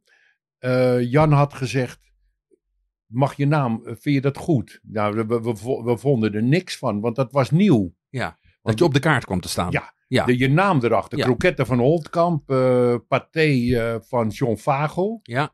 Eh, ja. dat hadden de, lever- de, de producenten niet bedongen, maar dat had Jan uit New York. Want dat concept komt daar vandaan. De naam van de makers erachter. Ja. Ja. En eh, nou ja, toen gebeurde het onmogelijke. Toen kwamen we. We hadden nog nooit een ongebakken kroket verkocht, Jonas. Eh, altijd iemand die, die langsliep of eh, van de ABJ of aan een van de kantoren mag ik zoveel kroketten of wil je er een kroketje in? Die ging braaf vijf minuten wachten. Die liep met dat kroketje de deur uit. Of ging hem, eh, als hij in de buurt woonde, thuis opeten. Maar de mensen bij Luxembourg, ja, die kroketten die, die, die waren goed natuurlijk. Hè? Wij hebben, en dat is weer een heel ander verhaal, natuurlijk hoe, hoe die kroket naar beneden, ges- eh, in een spiraal naar beneden. N- Geen enkele snackbar maakte zijn eigen kroketten meer. De lunchrooms waren verdwenen. Maar die, een enkele banketbakker, Kwekkenboom, Holtkamp, en wij heel in het klein, bleven die dingen maken zoals het hoort. Ja. Nou, dat werd toen beloond. Dus de mensen zaten daar toch wel voor een heel pittig prijsje. Glas wijn erbij, twee kroketjes, boter, een beetje mosterd. Dat Ik had ik het. liever niet, maar ik ging er niet over. Je moet er een doodzonde. Geen De mosterd, frituurde peterselie. peterselie, knap. Ja, maar die dachten, ja god, eh, laten we zeggen dat dat voor acht of... Nee, die stond voor een tientje op. Gulden, hè? In die Ja, tijd. ik ga, ik, ga, ik ga wel naar Holtkamp en dan ga ik dat kunstje thuis doen. Tuurlijk. Ja. Ja, en toen gebeurde het. Ja. En dat tot op de dag van vandaag, dat is natuurlijk een, een, een stroom mensen die, on, die is onuitputtelijk. Ja. Particulieren die het in huis halen. Ja. En met de handleiding erop hoe ze ermee om moeten gaan. Dat was toen nog niet. Maar nu staat er helemaal wat je moet doen. Dat hebben de mensen graag, snap je? En dan hebben we over de kroketten. Hè? Dus Ja. in, in Luxemburg ehm, is volgens mij de garnalenkroket ontstaan door een vraag van, van kan Ja. je ook een, een, een, een andere maken? We En hadden, wat, wat was ja, daar bijzonder aan? Nou, we hadden eh, die, die, die, die kalfsvleeskroket die draaide een jaar. Ja. En nou, er was zoveel vraag naar dat Luxembourg. En ik, ik draai steeds nog wel even terug. Eh, wij, Petra en ik, hadden een zaak dat wij voldeden aan de vraag. Als mensen iets vroegen, gingen we doen. Nee Ja. zeggen bestaat natuurlijk niet. Hè? Tenzij iemand helemaal, helemaal gekkigheid wil. maar in alle redelijkheid. Dus de tijdsdruk was enorm. Dus toen eh, Hoekstra zei van, zou je een garnalenkroket willen ontwikkelen? Dan gaat de vlag niet uit, want ik was s'avonds al niet boven. Ik heb al gerefereerd dat er nergens zo laat gegeten werd als in het gezin Holtkampen. Ik zei natuurlijk wel ja. Wist er niets van. Ik heb trouwens de verhoudingen, dat zie je in het boek De Banketbakker en op Foodtube, de verhoudingen. Er is helemaal geen geheim. Het is 80 gram vet, vetstof, boter, 100 gram bloem en een half liter bouillon. Ja. En dan veredelen met een eh, blaadje gelatine om hem sausachtiger te maken en Ja. rolbaar. En een, en een paar dooiertjes en een beetje slagroom. En, En, dan en, de goede specerijen. en garnaal. Oh, dat is de kalfskroket. Ja, en, en Ja. Dat, eh, ja, dat is de kalfskroket. Maar ik ging gewoon hetzelfde recept op de garnalen loslaten. Maar eerst had ik overal garnalenkroketten aangeschaft. Bij de viswinkels. Er waren er nog Oh, heel veel. En, en kramen. Ja. Altijd dezelfde. Die kwamen waarschijnlijk uit één of twee fabrieken. Ja. Ik zie ze nog liggen. Zelfs bij goede viswinkels. Zulke oranje palen Ja, voor 1 ja. euro. Nou, ik- ik denk het is eigenlijk een kleine moeite om zo'n ding eens nog mee naar huis te nemen en te proberen. Maar Tuurlijk. ik heb geen zin in. Want, ik, want er zit natuurlijk geen Hollandse garnaal in. Dat is dat de breuk uit Azië. Hè, want die kan je voor een paar euro een hele kilo kopen. En dat stoppen ze er dan in. Ja. Het was ook wel zo dat die klantenkring van ons, die begon zich te onderscheiden. En die hadden het wel eens over Oostende en Antwerpen. Ja, dat en ze knokken. daar Ja. ja, natuurlijk. Daar hebben ze nog nooit een kalfs- of een rundvleeskroket gegeten trouwens. Maar wel kaas en garnaal. Als ik nu de, de, de Belgische kroket voor me heb, dan is die steviger als van Holtkamp. Wij zoeken meer de grens op. Want dat krokante korstje, om dan een sausachtige vulling te hebben. En dat doet de Belgen, die, die, nemen, die eh, gaan iets meer op zeker zitten. En die gebruiken minder bouillon. Maar een perfecte kroket.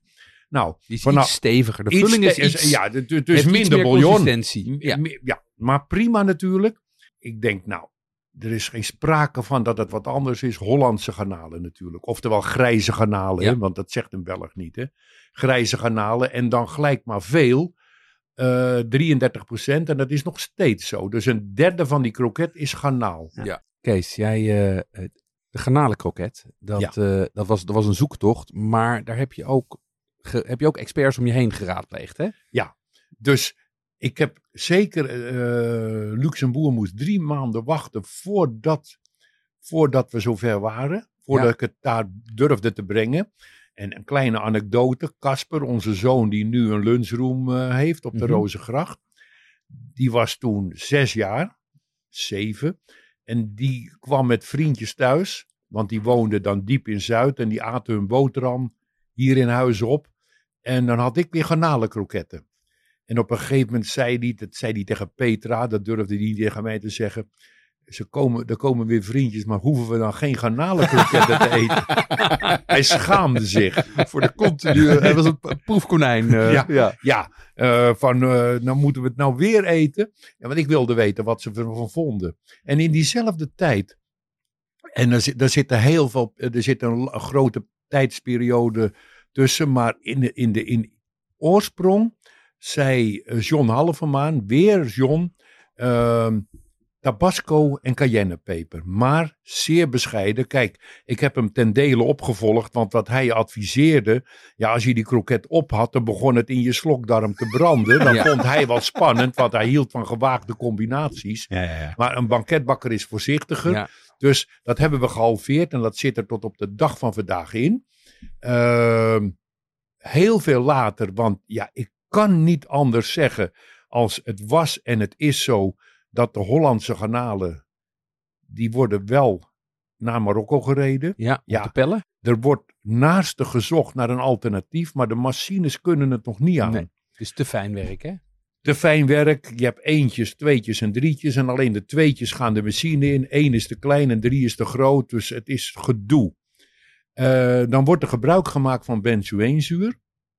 En Kees van Wees, inmiddels ook overleden. De, van van, De, van, Wees- de Van Wees ja, likeuren. liqueurdistillerij. Eh, ja, maar hij kwam bij ons, eh, aan de, hij kwam bij ons altijd de liqueur voor de bonbons afleveren. Ja. En die zei, marineer de, de garnalen nou eens met manzanilla sherry. De droogste die je kan vinden. ja. En dat deden we. Eén glas op 10 kilo. Dan kan je zeggen, dat proef je niet. Nee, maar dat is ook niet de bedoeling. Je moet natuurlijk niet zeggen van, zit hier sherry Het is in. geen sherry kroket. Nee, Nee. maar die haalt dan, ja, die wijsheid heb ik niet, maar die haalt die, dat benzoeenzuur weg. Wat, wat, of je ze nou machinaal pelt of je brengt ze naar Marokko en terug. Benzoeenzuur is, Onvermijdelijk. kan niet anders.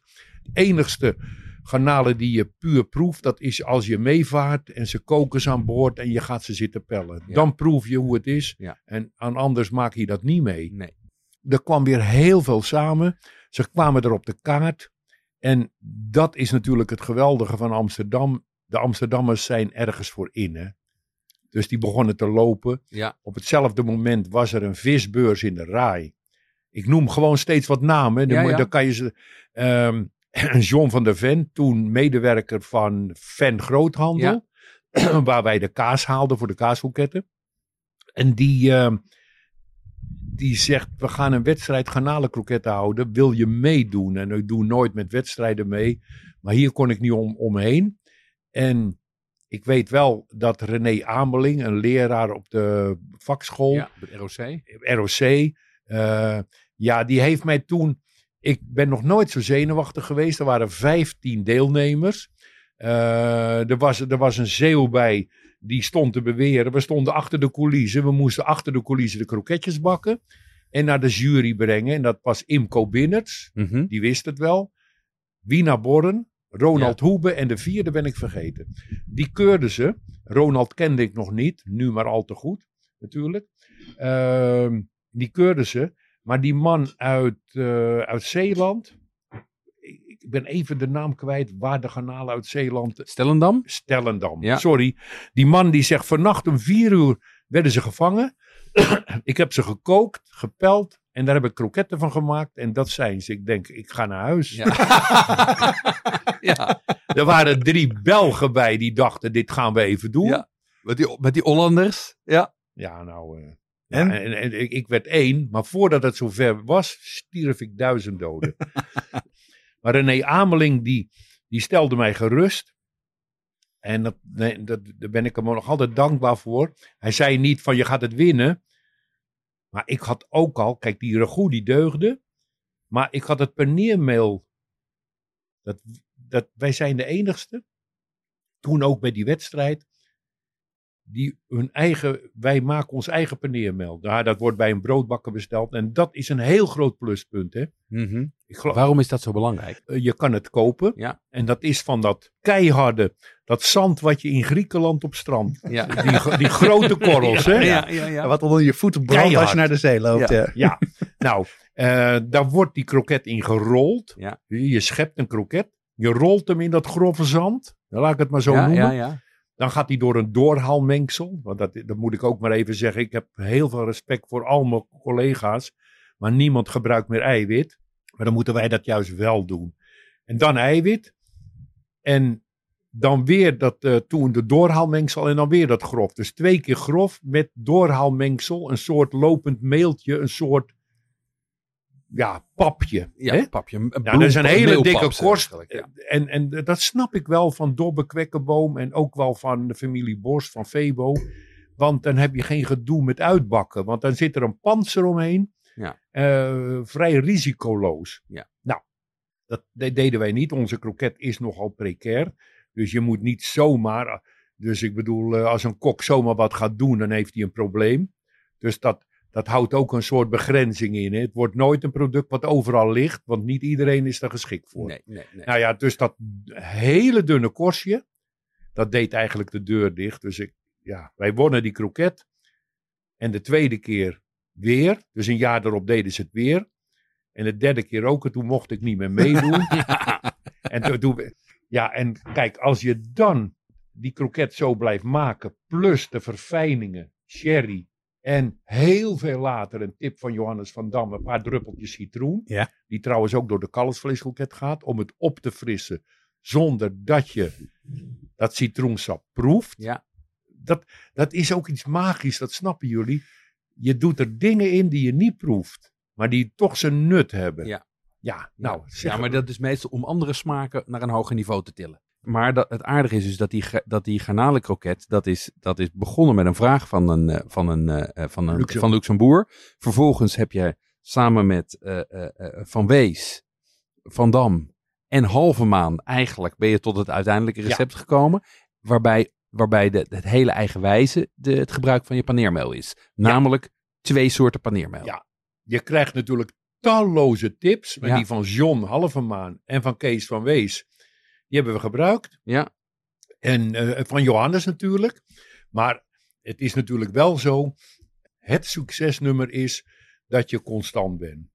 Nou, wij hadden dus, dus dat was ehm, twee iconische restaurants. En toen was er nog een ander restaurant, de eerste klas eh, eh, restauratie in Amsterdam CS. En die had een andere vraag gesteld. En wij hebben al een aantal, al een tijd, een discussie over minder vlees eten en vegetarisch. Dus het leek ons leuk om ook heel eventjes het te hebben over de kaaskroket. Want die is toen ontwikkeld. En daar heeft Johannes van Dam ook een belangrijke rol gespeeld. En wat, Zeker. wat was nou het moeilijkste bij die kaaskroket om voor elkaar Ja. te krijgen? Mag ik even beginnen bij het begin? Andreas Meijer, toen de chef eh, bediening, de gastheer bij de eerste klas. En de eerste klas was toen, ik weet niet hoe het nu is, Nou, maar toen, eh, de familie Kamichelt kwam er graag. Ja. Wit gedekte tafels, klassiek eten, obers met een, met, met een zwart eh, kostuum. Ja. Eh, oudere obers, eh, fantastisch. Hè? Voordat je op reis ging en daar dan prettig tafelen. Wat, Ja, het was de voormalige wachtruimte voor de eerste klasse. ja, hè? natuurlijk. Dus het was ook... En dat straalde het uit. Precies.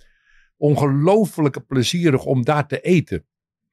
En Andreas, eh, die nu trouwens gast is bij Roos, eh, gastheer is bij Rosa en Rita. Dus we zijn hem elkaar niet uit het oog verloren.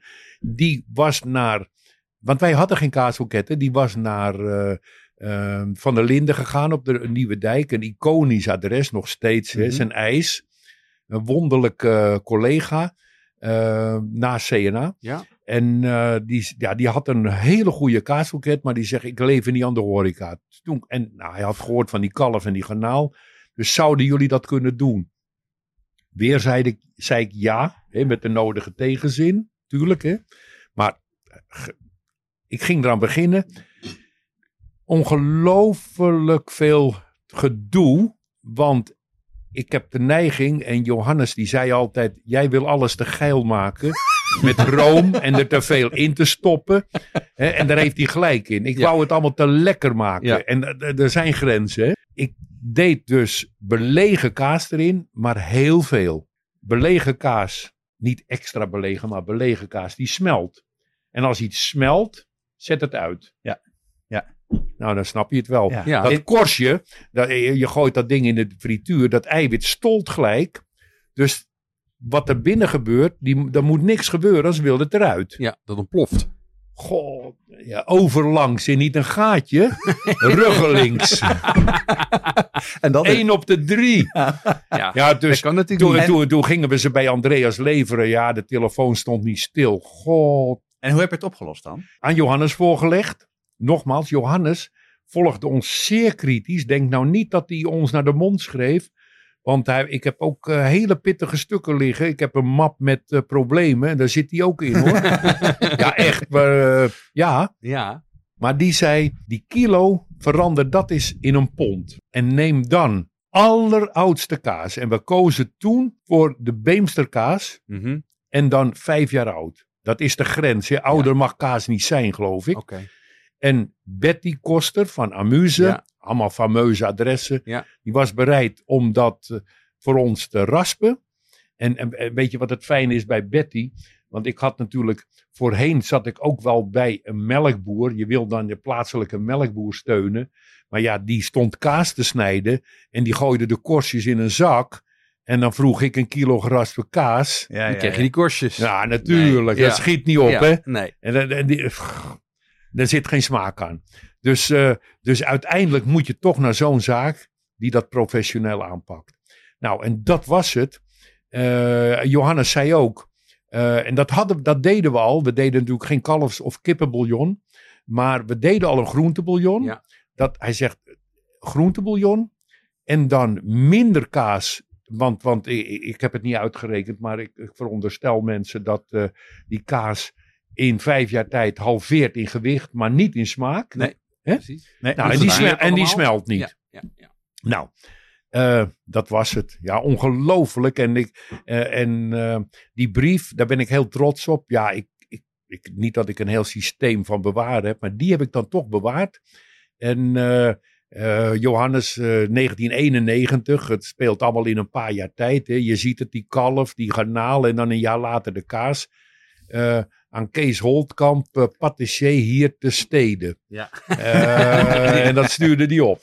En eh, hij legt helemaal uit hoe ik het moest doen. Ja, wat leuk. En dan hebben ze be- de beneden, nou dat is in, in mijn tijd gebeurd, op advies van Betty, 5% bleu de Jacques. Ja, dat zegt zit mij, blauwe ja, kaas ja, maar 5%, hè, Ja, daar ja. gaan we weer. Dat proef je niet. Maar ja, nou oké. Dus 95 Beemster, 5 jaar oud en een paar procent hele sterke schimmelkaas. En dat is de kaasboeket. Maar ik moet bekennen, ik durfde niet van die gelatine af te stappen. En sch- ex-schoonzoon Nico, die nu de kroketten beheert. En eh, mag ik het even terloop zeggen. Wij zouden dit gesprek niet hebben als hij zijn best niet deed. En beneden ook niet. Want Nee, als ze er beneden tuurlijk. een potje van maakten. Ja. En op Sloterdijk die kroketten niet goed doen. Nee, Dan zit je hier niet. Hè? Nee, nee, dus ik, zit, dus ik, ik stel me zegeningen. Ja. Nico die is een half jaar geleden begonnen met andere bindmiddel, bindmiddelen, agar-agar en allerlei zaken. Ja, gom. Hij is er zo ongelukkig van geworden dat ze hebben een onvoorstelbare voorraad weggedonderd. En voorlopig durft hij niet anders als toch dat gelatineblaadje weer te gebruiken. Dus ja, we zitten met de kaas. Maar ja, is kaas vegetarisch? Kunnen jullie de... Nou ja... Ja, dat, dat Ja, is... Moet je bij Jeroen zijn. Die is, de- eh, die is Eh, van een duidelijk. eet een Ik- vegetariër die eet kaas, maar toch, je hebt er Ja, iets van nou, een beest. Ja, Ja, Ja, maar- kijk, twee dingen zijn er natuurlijk. Even, even zijstapje. Eh, je, hebt, je hebt stremsel nodig om Ja. het te laten stremmen. En dat wordt over het algemeen uit de kalfsmaag gewonnen. Nu heb je ook vegetarisch stremsel, maar dat proef je wel. Maar wat natuurlijk, als je, laat ik zeggen, als je een, een scherpslijper bent, is het natuurlijk zo dat voor elke koe die er wordt geboren, wordt er ook een stiertje geboren. Ja. En dat stiertje, dat laten we niet leven. Nee. Dus ja, de vraag is, is kaas vegetarisch? Kijk, wij kijken daar, hoe wij daar naar kijken, is dat wij vinden het vooral belangrijk dat veel mensen minder vlees gaan eten. En als dat dan een, blaadje eh, gelatine Ja. is in een kroket, Prima. zeg ik, dat maakt niet uit. Dus ik zou hem ook heel graag opnemen in ons vegetarisch repertoire. Ja, Dat is een verzameling van vegetarische recepten die mensen helpt om minder vlees te eten. Ja, precies. Of, of een beetje niet eendlever. 100%, maar dat blaadje gelatine en dat kleine beetje stremsel, dat is toch... Ja, heb je toch nodig. Ja, en dan, en dan, ja. dan begin je met de kaaskroket, een lekkere sauterne wijn, dan, dan pak je eventjes de, die ene lever, pak je daarna nog even bij.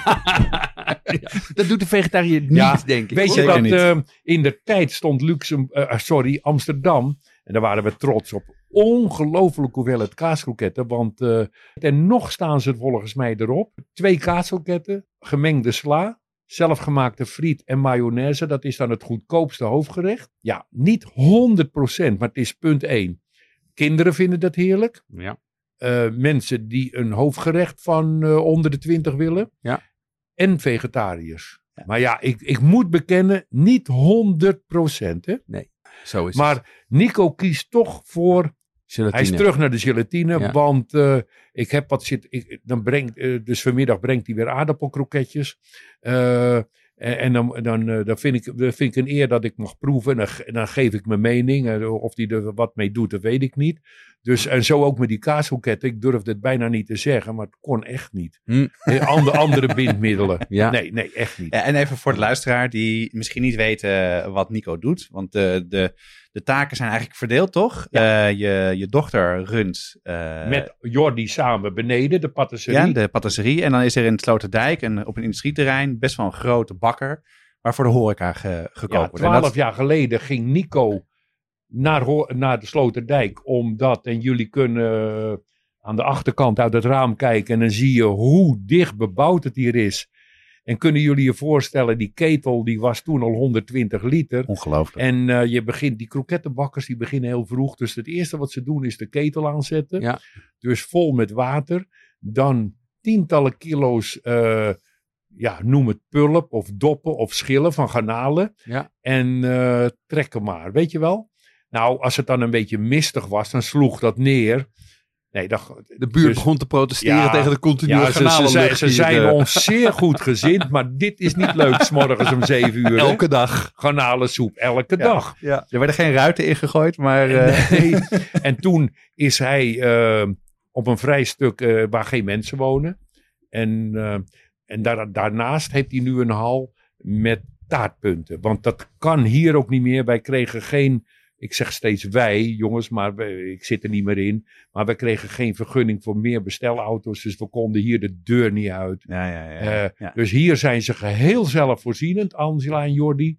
Maar de kroketten worden elke dag gebracht. Ah, En die worden gebakken. Eigenlijk maar een paar procent. Het merendeel gaat ongebakken de deur uit. Dit is een, dit is een mooi bruggetje. Ehm, jij bent inmiddels al, al ruim 18 jaar uit de zaak, hè? Ja. Je bent nog nauw betrokken, zoals je al een aantal keer hebt aangegeven. Maar daarnaast... Nou, Nou, ze vragen wel eens wat en of je ze doen, weet ik niet. Maar je bent nog wel hartstikke actief met andere dingen. Je doet FoodTube met je dochter Stella. Je geeft architectuurrondleidingen. eh, je, doet, eh, eh, je coacht het Holtkamp team, maar ook Linnik. Eh, wat, wat, waarom doe je dat allemaal? Wel, je, er zijn ook mensen die gewoon zeggen van nou, ik ga na 40 jaar eh, een beetje fietsen en golfen of ik koop een Ja, in reizen, de, de, Ja. reizen zeggen Ja, ze dan. Ja, dat willen, doe ik ook. Petra is gek op reizen. En ik iets minder. Dat komt omdat ik, het begrip vakantie ken ik niet van huis uit. Mijn vader ging natuurlijk, deed de winkel nooit dicht. Dus Nee. ik- ik- toen ik hier naar Amsterdam kwam, wist ik niet wat vakantie was. Eh, maar, maar Petra de vader werkte in loondienst. Dus die gingen twee weken per jaar, drie weken in Limburg in een huisje zitten. Nou, Ja. dat, was, dat bestaat niet als je een winkel hebt. Eh, dus, eh, maar, maar nogmaals, ik ga met plezier met haar mee op vakantie. Maar ik bedenk het niet. Nee. Nee, maar ehm, Dus je bent heel dus actief. eh, ja, de- de- ik ben zeker actief. En, en in Amsterdam, nou dat is eerst FoodTube natuurlijk. Ja. Ronald komt op gezette tijden. En er ligt altijd veel op de plank. En eh, ik, ik, ik zeg eventjes wat we in een voorgesprek hebben we hier fonceerdeeg door zitten nemen. Ja. Mag ik het zeggen? ja, zeker. Want eh, wij hebben een aflevering opgenomen ooit eh, over appeltaart. En Jeroen die was toen ergens de ingedoken in recepten. En kwam eigenlijk achter dat de fonceerdeeg eh, in heel veel recepten anders is. En het voorgesprek wat we hebben gehad, stelde je die vraag. En wij kwamen hier vanochtend aanlopen. En eh, daar lag een verrassing voor jou, Jeroen. Ja, Ke- Kees had voor mij gemaakt vier verschillende eh eh fonceerdegen op vier verschillende varianten op fonceer en zaaddeeg, zandaarddeeg. En daar vervolgens het deeg laten zien. En ook hoe dat er dan uitziet als het uit de oven komt. De hardheid, De hardheid, ja. brosheid. Ja. Ja. En, en dat is denk ik illustratief voor hoe jij, als iemand jou een vraag stelt, dan begint er wat te draaien volgens Ja. mij. Ja, Ja. dan verveel je je nooit. Ja, ik Nee. denk, dat ga ik doen. Eh, de, de kans had bestaan dat jij zegt, oh ja, daar hebben we het over gehad. Ja, leuk zeg, maar je ging erop in. Ja, tuurlijk. Nou ja, dat wist ik niet. Maar ik denk, maar ik heb daar nu gelijk weer een itempje voor Ronald. Van laten we dat nou eens behandelen. Want mensen, ja, eh, we, we geven die degen allemaal verschillende namen. Maar je, eh, je fonceert er allemaal mee. Het En ene wordt keihard, het andere hard. Dus paté sucre, tatatendeeg, Ja. keihard. Ja. Glutenvorming bijna, zoet Ja. korstdeeg volgens Ja. de Belgen. Dan krijgen we, dat noemen wij hier vruchtenvlaatjesdeeg, waar we wat Franse pan in spuiten. En daar, gaat, eh, daar maken we het frambozen en het citroentaartje van. Een krokante bodem. Ja. Dan krijgen we het brosse harde wenendeeg, typisch Nederlands, maar met Zeeuws. De Ja. andere niet hoor. Zeeuwse bloem. Zeeuwse bloem, Nederlandse bloem, bros. Weinig gluten. En, en weinig gluten. Eh, Dus daar maak je een appeltaart en gevulde koeken van, onder andere. En de vierde variant, sloffendeeg. Ja, daar hebben wij geen naam voor. Eh, heel bros, bijna boterkoek met bakpoeder. Ja. Wat ook weer heel geschikt is om, om, om een dikke bodem. Nou, dat zijn vier zulke verschillende dingen. De eerste bijna geen boter en de laatste heel veel. En waarom heet het dan allemaal fonceerdeeg? Ja, omdat fonceren een werkde- een werkwoord is. En wat is dat? Eh, Fonceren? eh, uitrollen, deeg uitrollen en een pannetje bekleden. Ja, bekleden. Daar Een dus pannetje fonceren, een pannetje bekleden. Ja. Fon- is bekleden. en daar komt die naam dus vandaan. Ja. Ja, ik schoot raak dus, ja, eh, Jeroen. Ja, ja. de kermis is- in je hoofd, hè? De, Ja, dat- het vuurwerk is tot rust gekomen. Ja, nu. ja, nou ja, het is, en dat is natuurlijk heel fijn dat je dan even, dat je dan even uitlegt hoe het zit. En ook terloops, want dat helpt mij in ieder geval heel erg. En dat doe je in je YouTube-filmpjes, of in je FoodTube-filmpjes ook zo goed. Uitlegt waarom dingen zo zijn. Ja, ja, Want als klopt. ik dan begrijp dat, eh, dat het eerste deeg, het korstdeeg, dat je daar een beetje glutenzetting in wil, dan begrijp ik waarom je langer moet, eh, waarom je langer moet kneden. En waarom je bij de andere recepten zo kort mogelijk moet kneden. En dus eerst alle andere ingrediënten mengt. En dat is iets wat ik in veel kookboeken mis. Dat er staat, er staat een bepaalde volgorde van dingen, maar er staat niet waarom het zo is. Ja, en alleen als er waarom erbij zit, onthoud ik het. Ja. Maar ik- dat is voor mij. En ik moet Ja. zeggen dat ik vond dus ook eh, dat, dat, dat gesprek wat we over de citroentaart gehad hebben. Hè, er zijn dus twee scholen. Degene met room en degene op basis van eieren. Ik begrijp nu heel erg goed waarom eh, sommige recepten je meteen moet opeten. En bij jullie in de winkel hij eigenlijk voor houdbaarheid staat. Dus je kan best een ander deegje maken eh, om het voor elkaar te krijgen als je het meteen opeet. Dus dat vind ik ook heel leuk om, eh, om geleerd te hebben. En, en, maar, en wat is het dan dat jij dit zo leuk vindt om dit zo uit te leggen? Waarom, waarom als, Ja. er een, als er iemand langskomt om een podcast op te nemen, ga jij vervolgens vier verschillende soorten deeg maken? Ja. Ja. Nou, eh, ik, heb er gewoon lol in. En ook, kijk, toegankelijkheid. Mensen laten zien wat ons vak inhoudt. En ik krijg nogal eens een beetje gemopper van collega's van waarom vertel je het allemaal? Ja, hallo. Kijk. Ja, maar dat is wel een belangrijk punt. Want, want ja, maar een belangrijk punt. want tegen- beneden hebben ze het druk zat. Nico vindt het fantastisch dat ik alles over kroketten vertel. Ja, maar dat is toch mooi, want, want we, hadden, we hebben het terloops gehad over, over de slagers. En er is hier een slager Rodriguez. Waar mijn moeder vroeger kwam toen ik geboren was. Toen kreeg ze van de slager gratis een biefstuk om Ja. aan te sterken. Mooi. Maar die had een, een paté-recept. Maar dat is die mee zijn graf ingegaan. Er werd heel spastisch gedaan over Jammer, recepten en dat soort dingen. Maar dat doe jij helemaal niet. En heb je volgens mij niet. ook wel een echt, dat is ook je missie volgens mij nu, toch? Ja, dat is mijn missie. Dus mijn missie is geslaagd en dagelijks beantwoord ik vragen. Of mensen sturen op Instagram en Facebook hun resultaten. Van kijk eens, dit heb ik gemaakt. Wat vind je ervan? Dat is natuurlijk fantastisch. Hè? Ja, Dus daar dat- zit ik wel even mee. Ja. Of nee, daar zit ik niet mee. Daar zit ik, eh, ik neem de tijd om dat te beantwoorden. Eh, en dat vind ik fijn. Ja. En waarom? Want ik bedoel, eh, dan halen ze het niet in de winkel. Nee. Snap je? En sommigen gaan vrij ver. Dat is waar, ja. En dat is toch leuk? Ja, dat is Ja. fantastisch. Want nogmaals, beneden hebben ze het heel druk. En Nico maakt ongelooflijk veel kroketten. Ja. En de praktijk is, en dit even, eh, even eh, nee, ik wou zeggen entre nous, maar ja goed. Het, het leeuwenaandeel van de mensen die een keer kroketten maken, maar die zeggen, ja, ik vind het fantastisch, maar ik haal ze de volgende keer. Eén keertje. Maar en dat is mijn koop- missie Ja. niet. Dat is mijn bedoeling niet. Maar dan weten ze gelijk wat we ervoor moeten doen om het te bereiken. En dan weet je ook meteen wat het verschil is tussen een kroket bij de snackbar en bij een, een- bij een winkel zoals Hotkamp. En, dan, en dat heb ik heel erg met, eh, ook met, met koken zelf. Als je het een keer gemaakt hebt, weet je wat erin gaat. En dan weet je ook waarom je dingen misschien maar één keer moet eten of niet te vaak moet eten. Ik heb in de vorige podcast heb ik Chinese dim sums gemaakt. Nou, dat doe ik ook nooit meer. Nee, maar je weet het nu wel. ja, ik weet het zeker. Ja, en, en, als kan- je mij eh, hier bezig ziet, beneden, dan, eh, dus, eh, dat, ik vind het fijn om dat even te noemen. Ik kom bij een slager op, ja, achter de Volendammer viskraam, Slagerij Zuid. Ik weet zijn nummer niet. Ja, Eh, ja, maar dan haal ik niet alleen dat mooie stukje kalfsvlees, maar ook eh, een op de zak Albert Kuip bedoel je? Albert Kuip, Ja, ja, sorry. ja, precies. Een zak, eh, ja, we, we zitten natuurlijk. Ik denk dat heel, iedereen weet hoe Amsterdam in elkaar zit. Sorry. Dat denken we ook Maar, wel eens, maar er zijn luisteraars die worden daar een beetje knorrig Maar van. Ja. ik haal buiten, Jeroen en Jonas, ik haal buiten dat stuk kalfsvlees wat er na drie uur uit moet, haal ik een hele zak botten, knieën, eh, vellen, zenen, slachtafval dus. Ja. Daar maak ik de krachtige bouillon Ja. van. Ja. Snap je? Ja. En, eh, en, want want eh, dat, is het, dat is het eerste. Kijk, dat vlees wat je, dat wil je zien. Ja, je oog eet mee, hè. En niet zo'n klein beetje ook. Mhm. En beleving is een heel groot ding. Maar de smaak wordt bepaald door de bouillon. Absoluut. Dus al dat vlees en dat zo kalfsvlees. En als het uitkomt, dan gooi ik er ook een kalfstong bij. Die lift ook gelijk even mee. Ja. Voor broodbeleg. En dat staat net onder water. En als dat dan eh, na drie, vier uur, na drie uur haal ik het kalfsvlees en de tong eruit. En de rest blijft de hele dag rommelen, sudderen.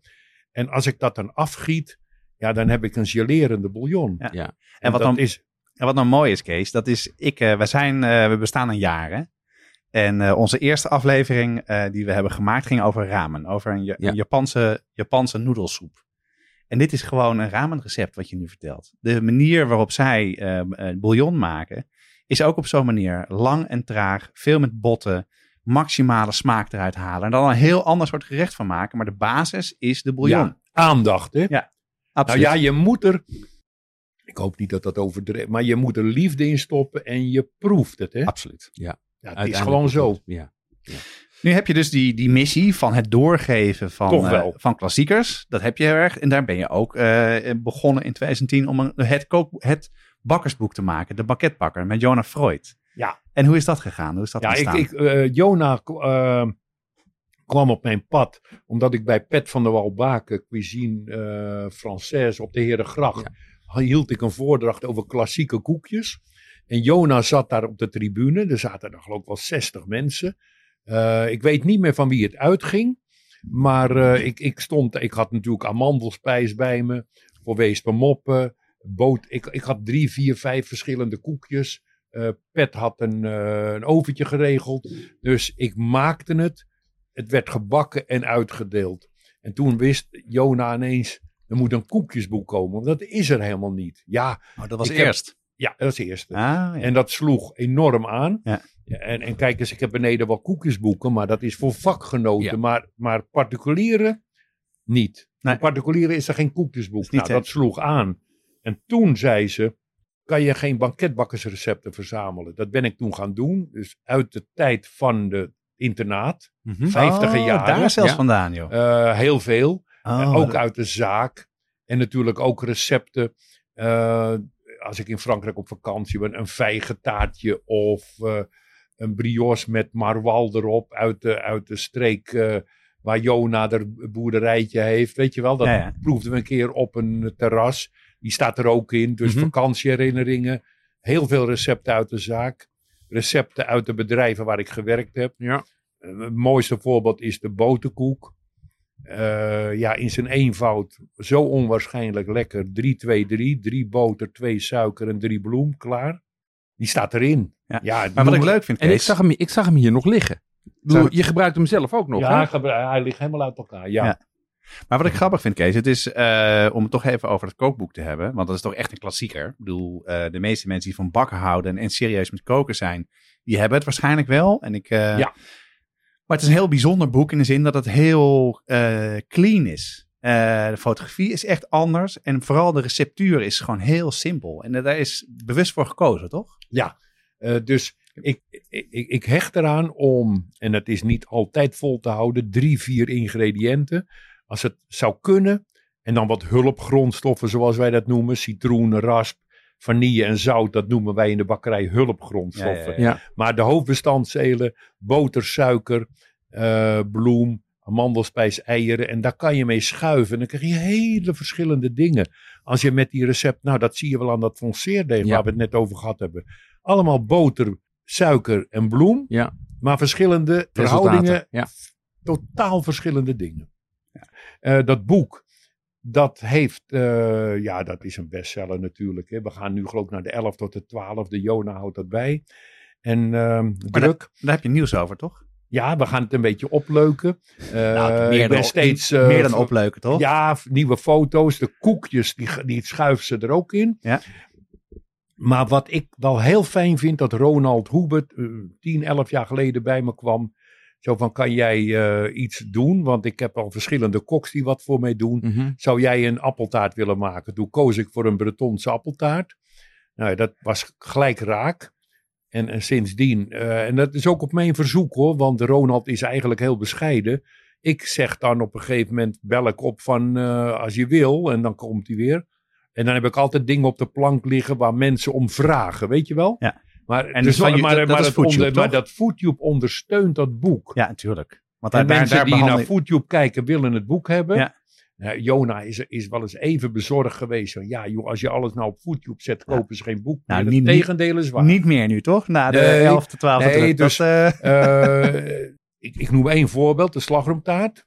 nou, dus, dat, is, dat wilde mijn zoon graag weten. Leg Ja. uit. Moet ik het nu gaan zeggen? Ja, gewoon leuk. Dat Nou, kijk, hij staat in het boek.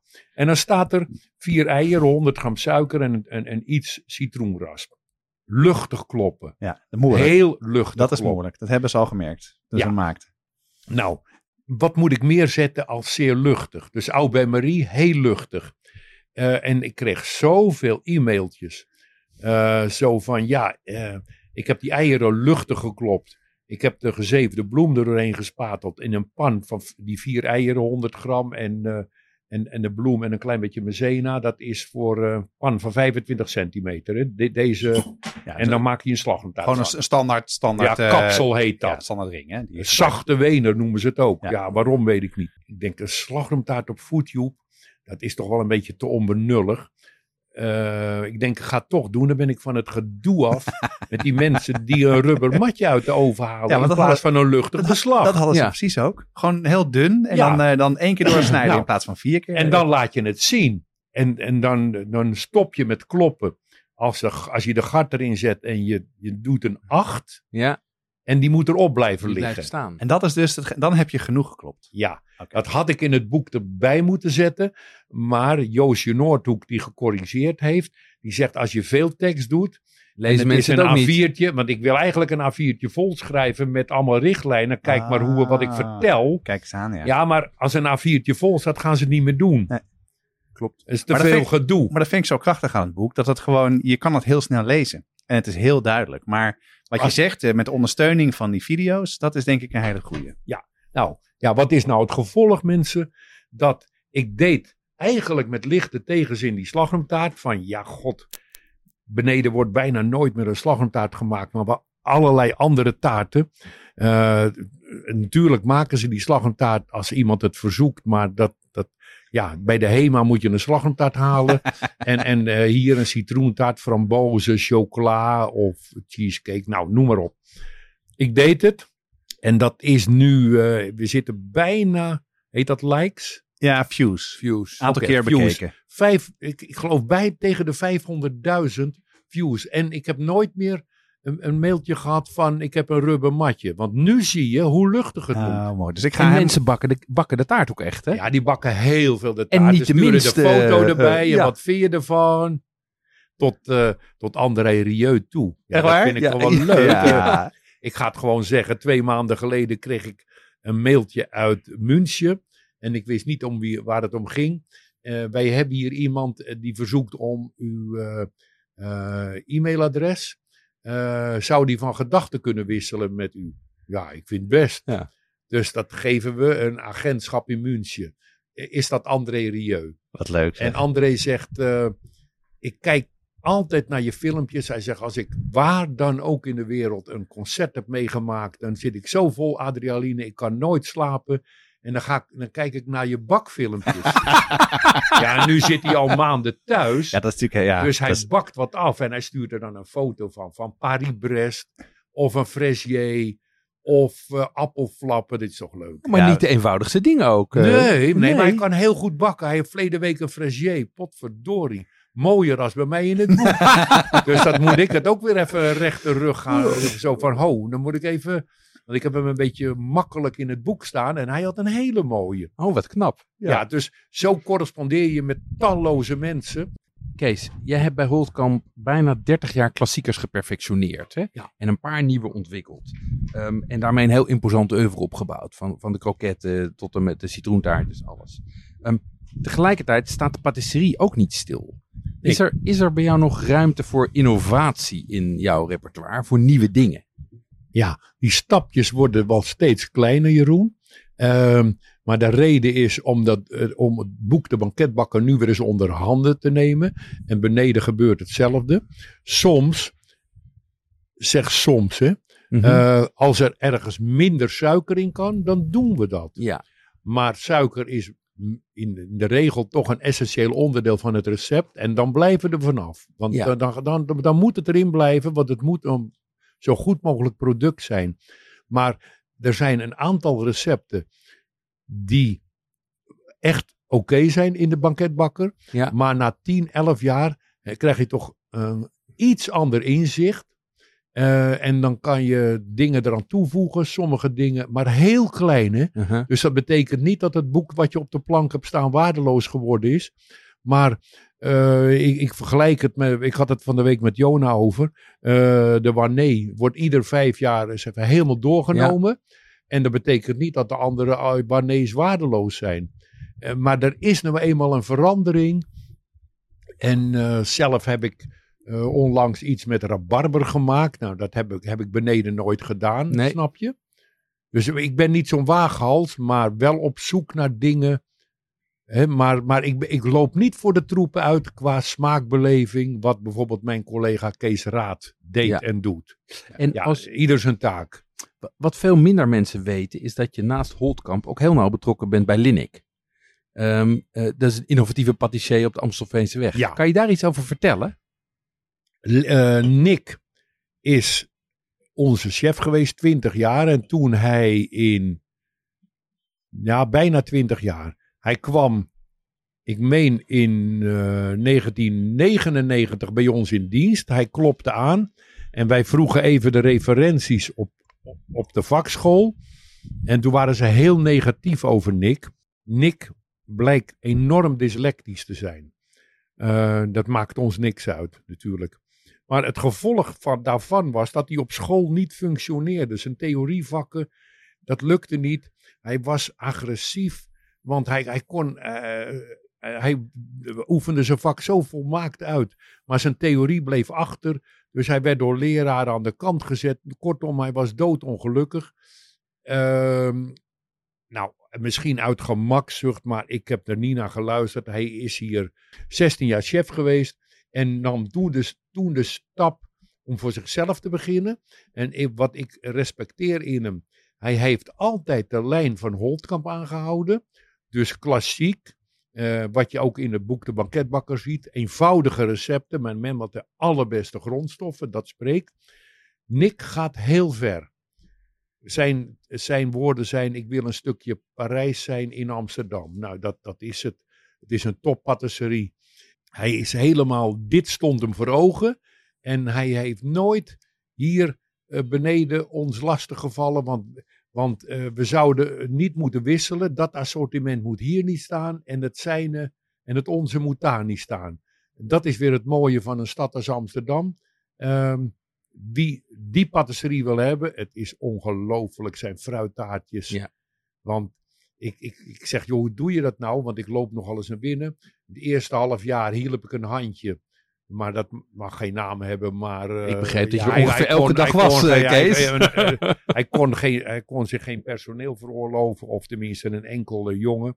En, en gewoon eenvoudig werk. Nou ja, maar dat was al heel gauw niet meer nodig. Dus hij eh, kon zijn eigen broek ophouden. Het gaat nu heel goed. Ja. Maar een hele andere tak van sport als die wij doen. Het is veel, het is veel, het is veel, eh, het is innovatiever, Ja. feitelijk. En, maar ik zag ook daar het frambozentaartje. Maar die is dan vierkant en Ja. met pistache. Precies. Ja. Ja, leuk. Kees, het is, een, het is een voor de hand liggende vraag, maar we lopen tegen het einde van dit Ja. gesprek. En wat is nou het geheim van jouw succes? Waarom is, het, waarom is Holtkamp van die eenvoudige bakker met eh, betimmerde schrootjes en conservetaarten gekomen tot het, tot het, het, het patisserie- en kroketten-imperium dat het inmiddels is?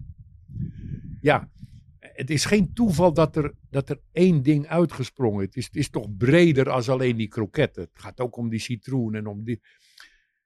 Nou, eh, ik moet helemaal teruggaan naar het internaat. Ik was een middelmatige leerling. En ik zit mezelf niet naar beneden te, te halen, maar ik was middelmatig. Je had briljante jongens. En wat ik al merkte in die klas, briljante mensen. Als ze iets neergezet hebben, dan willen ze weer wat anders.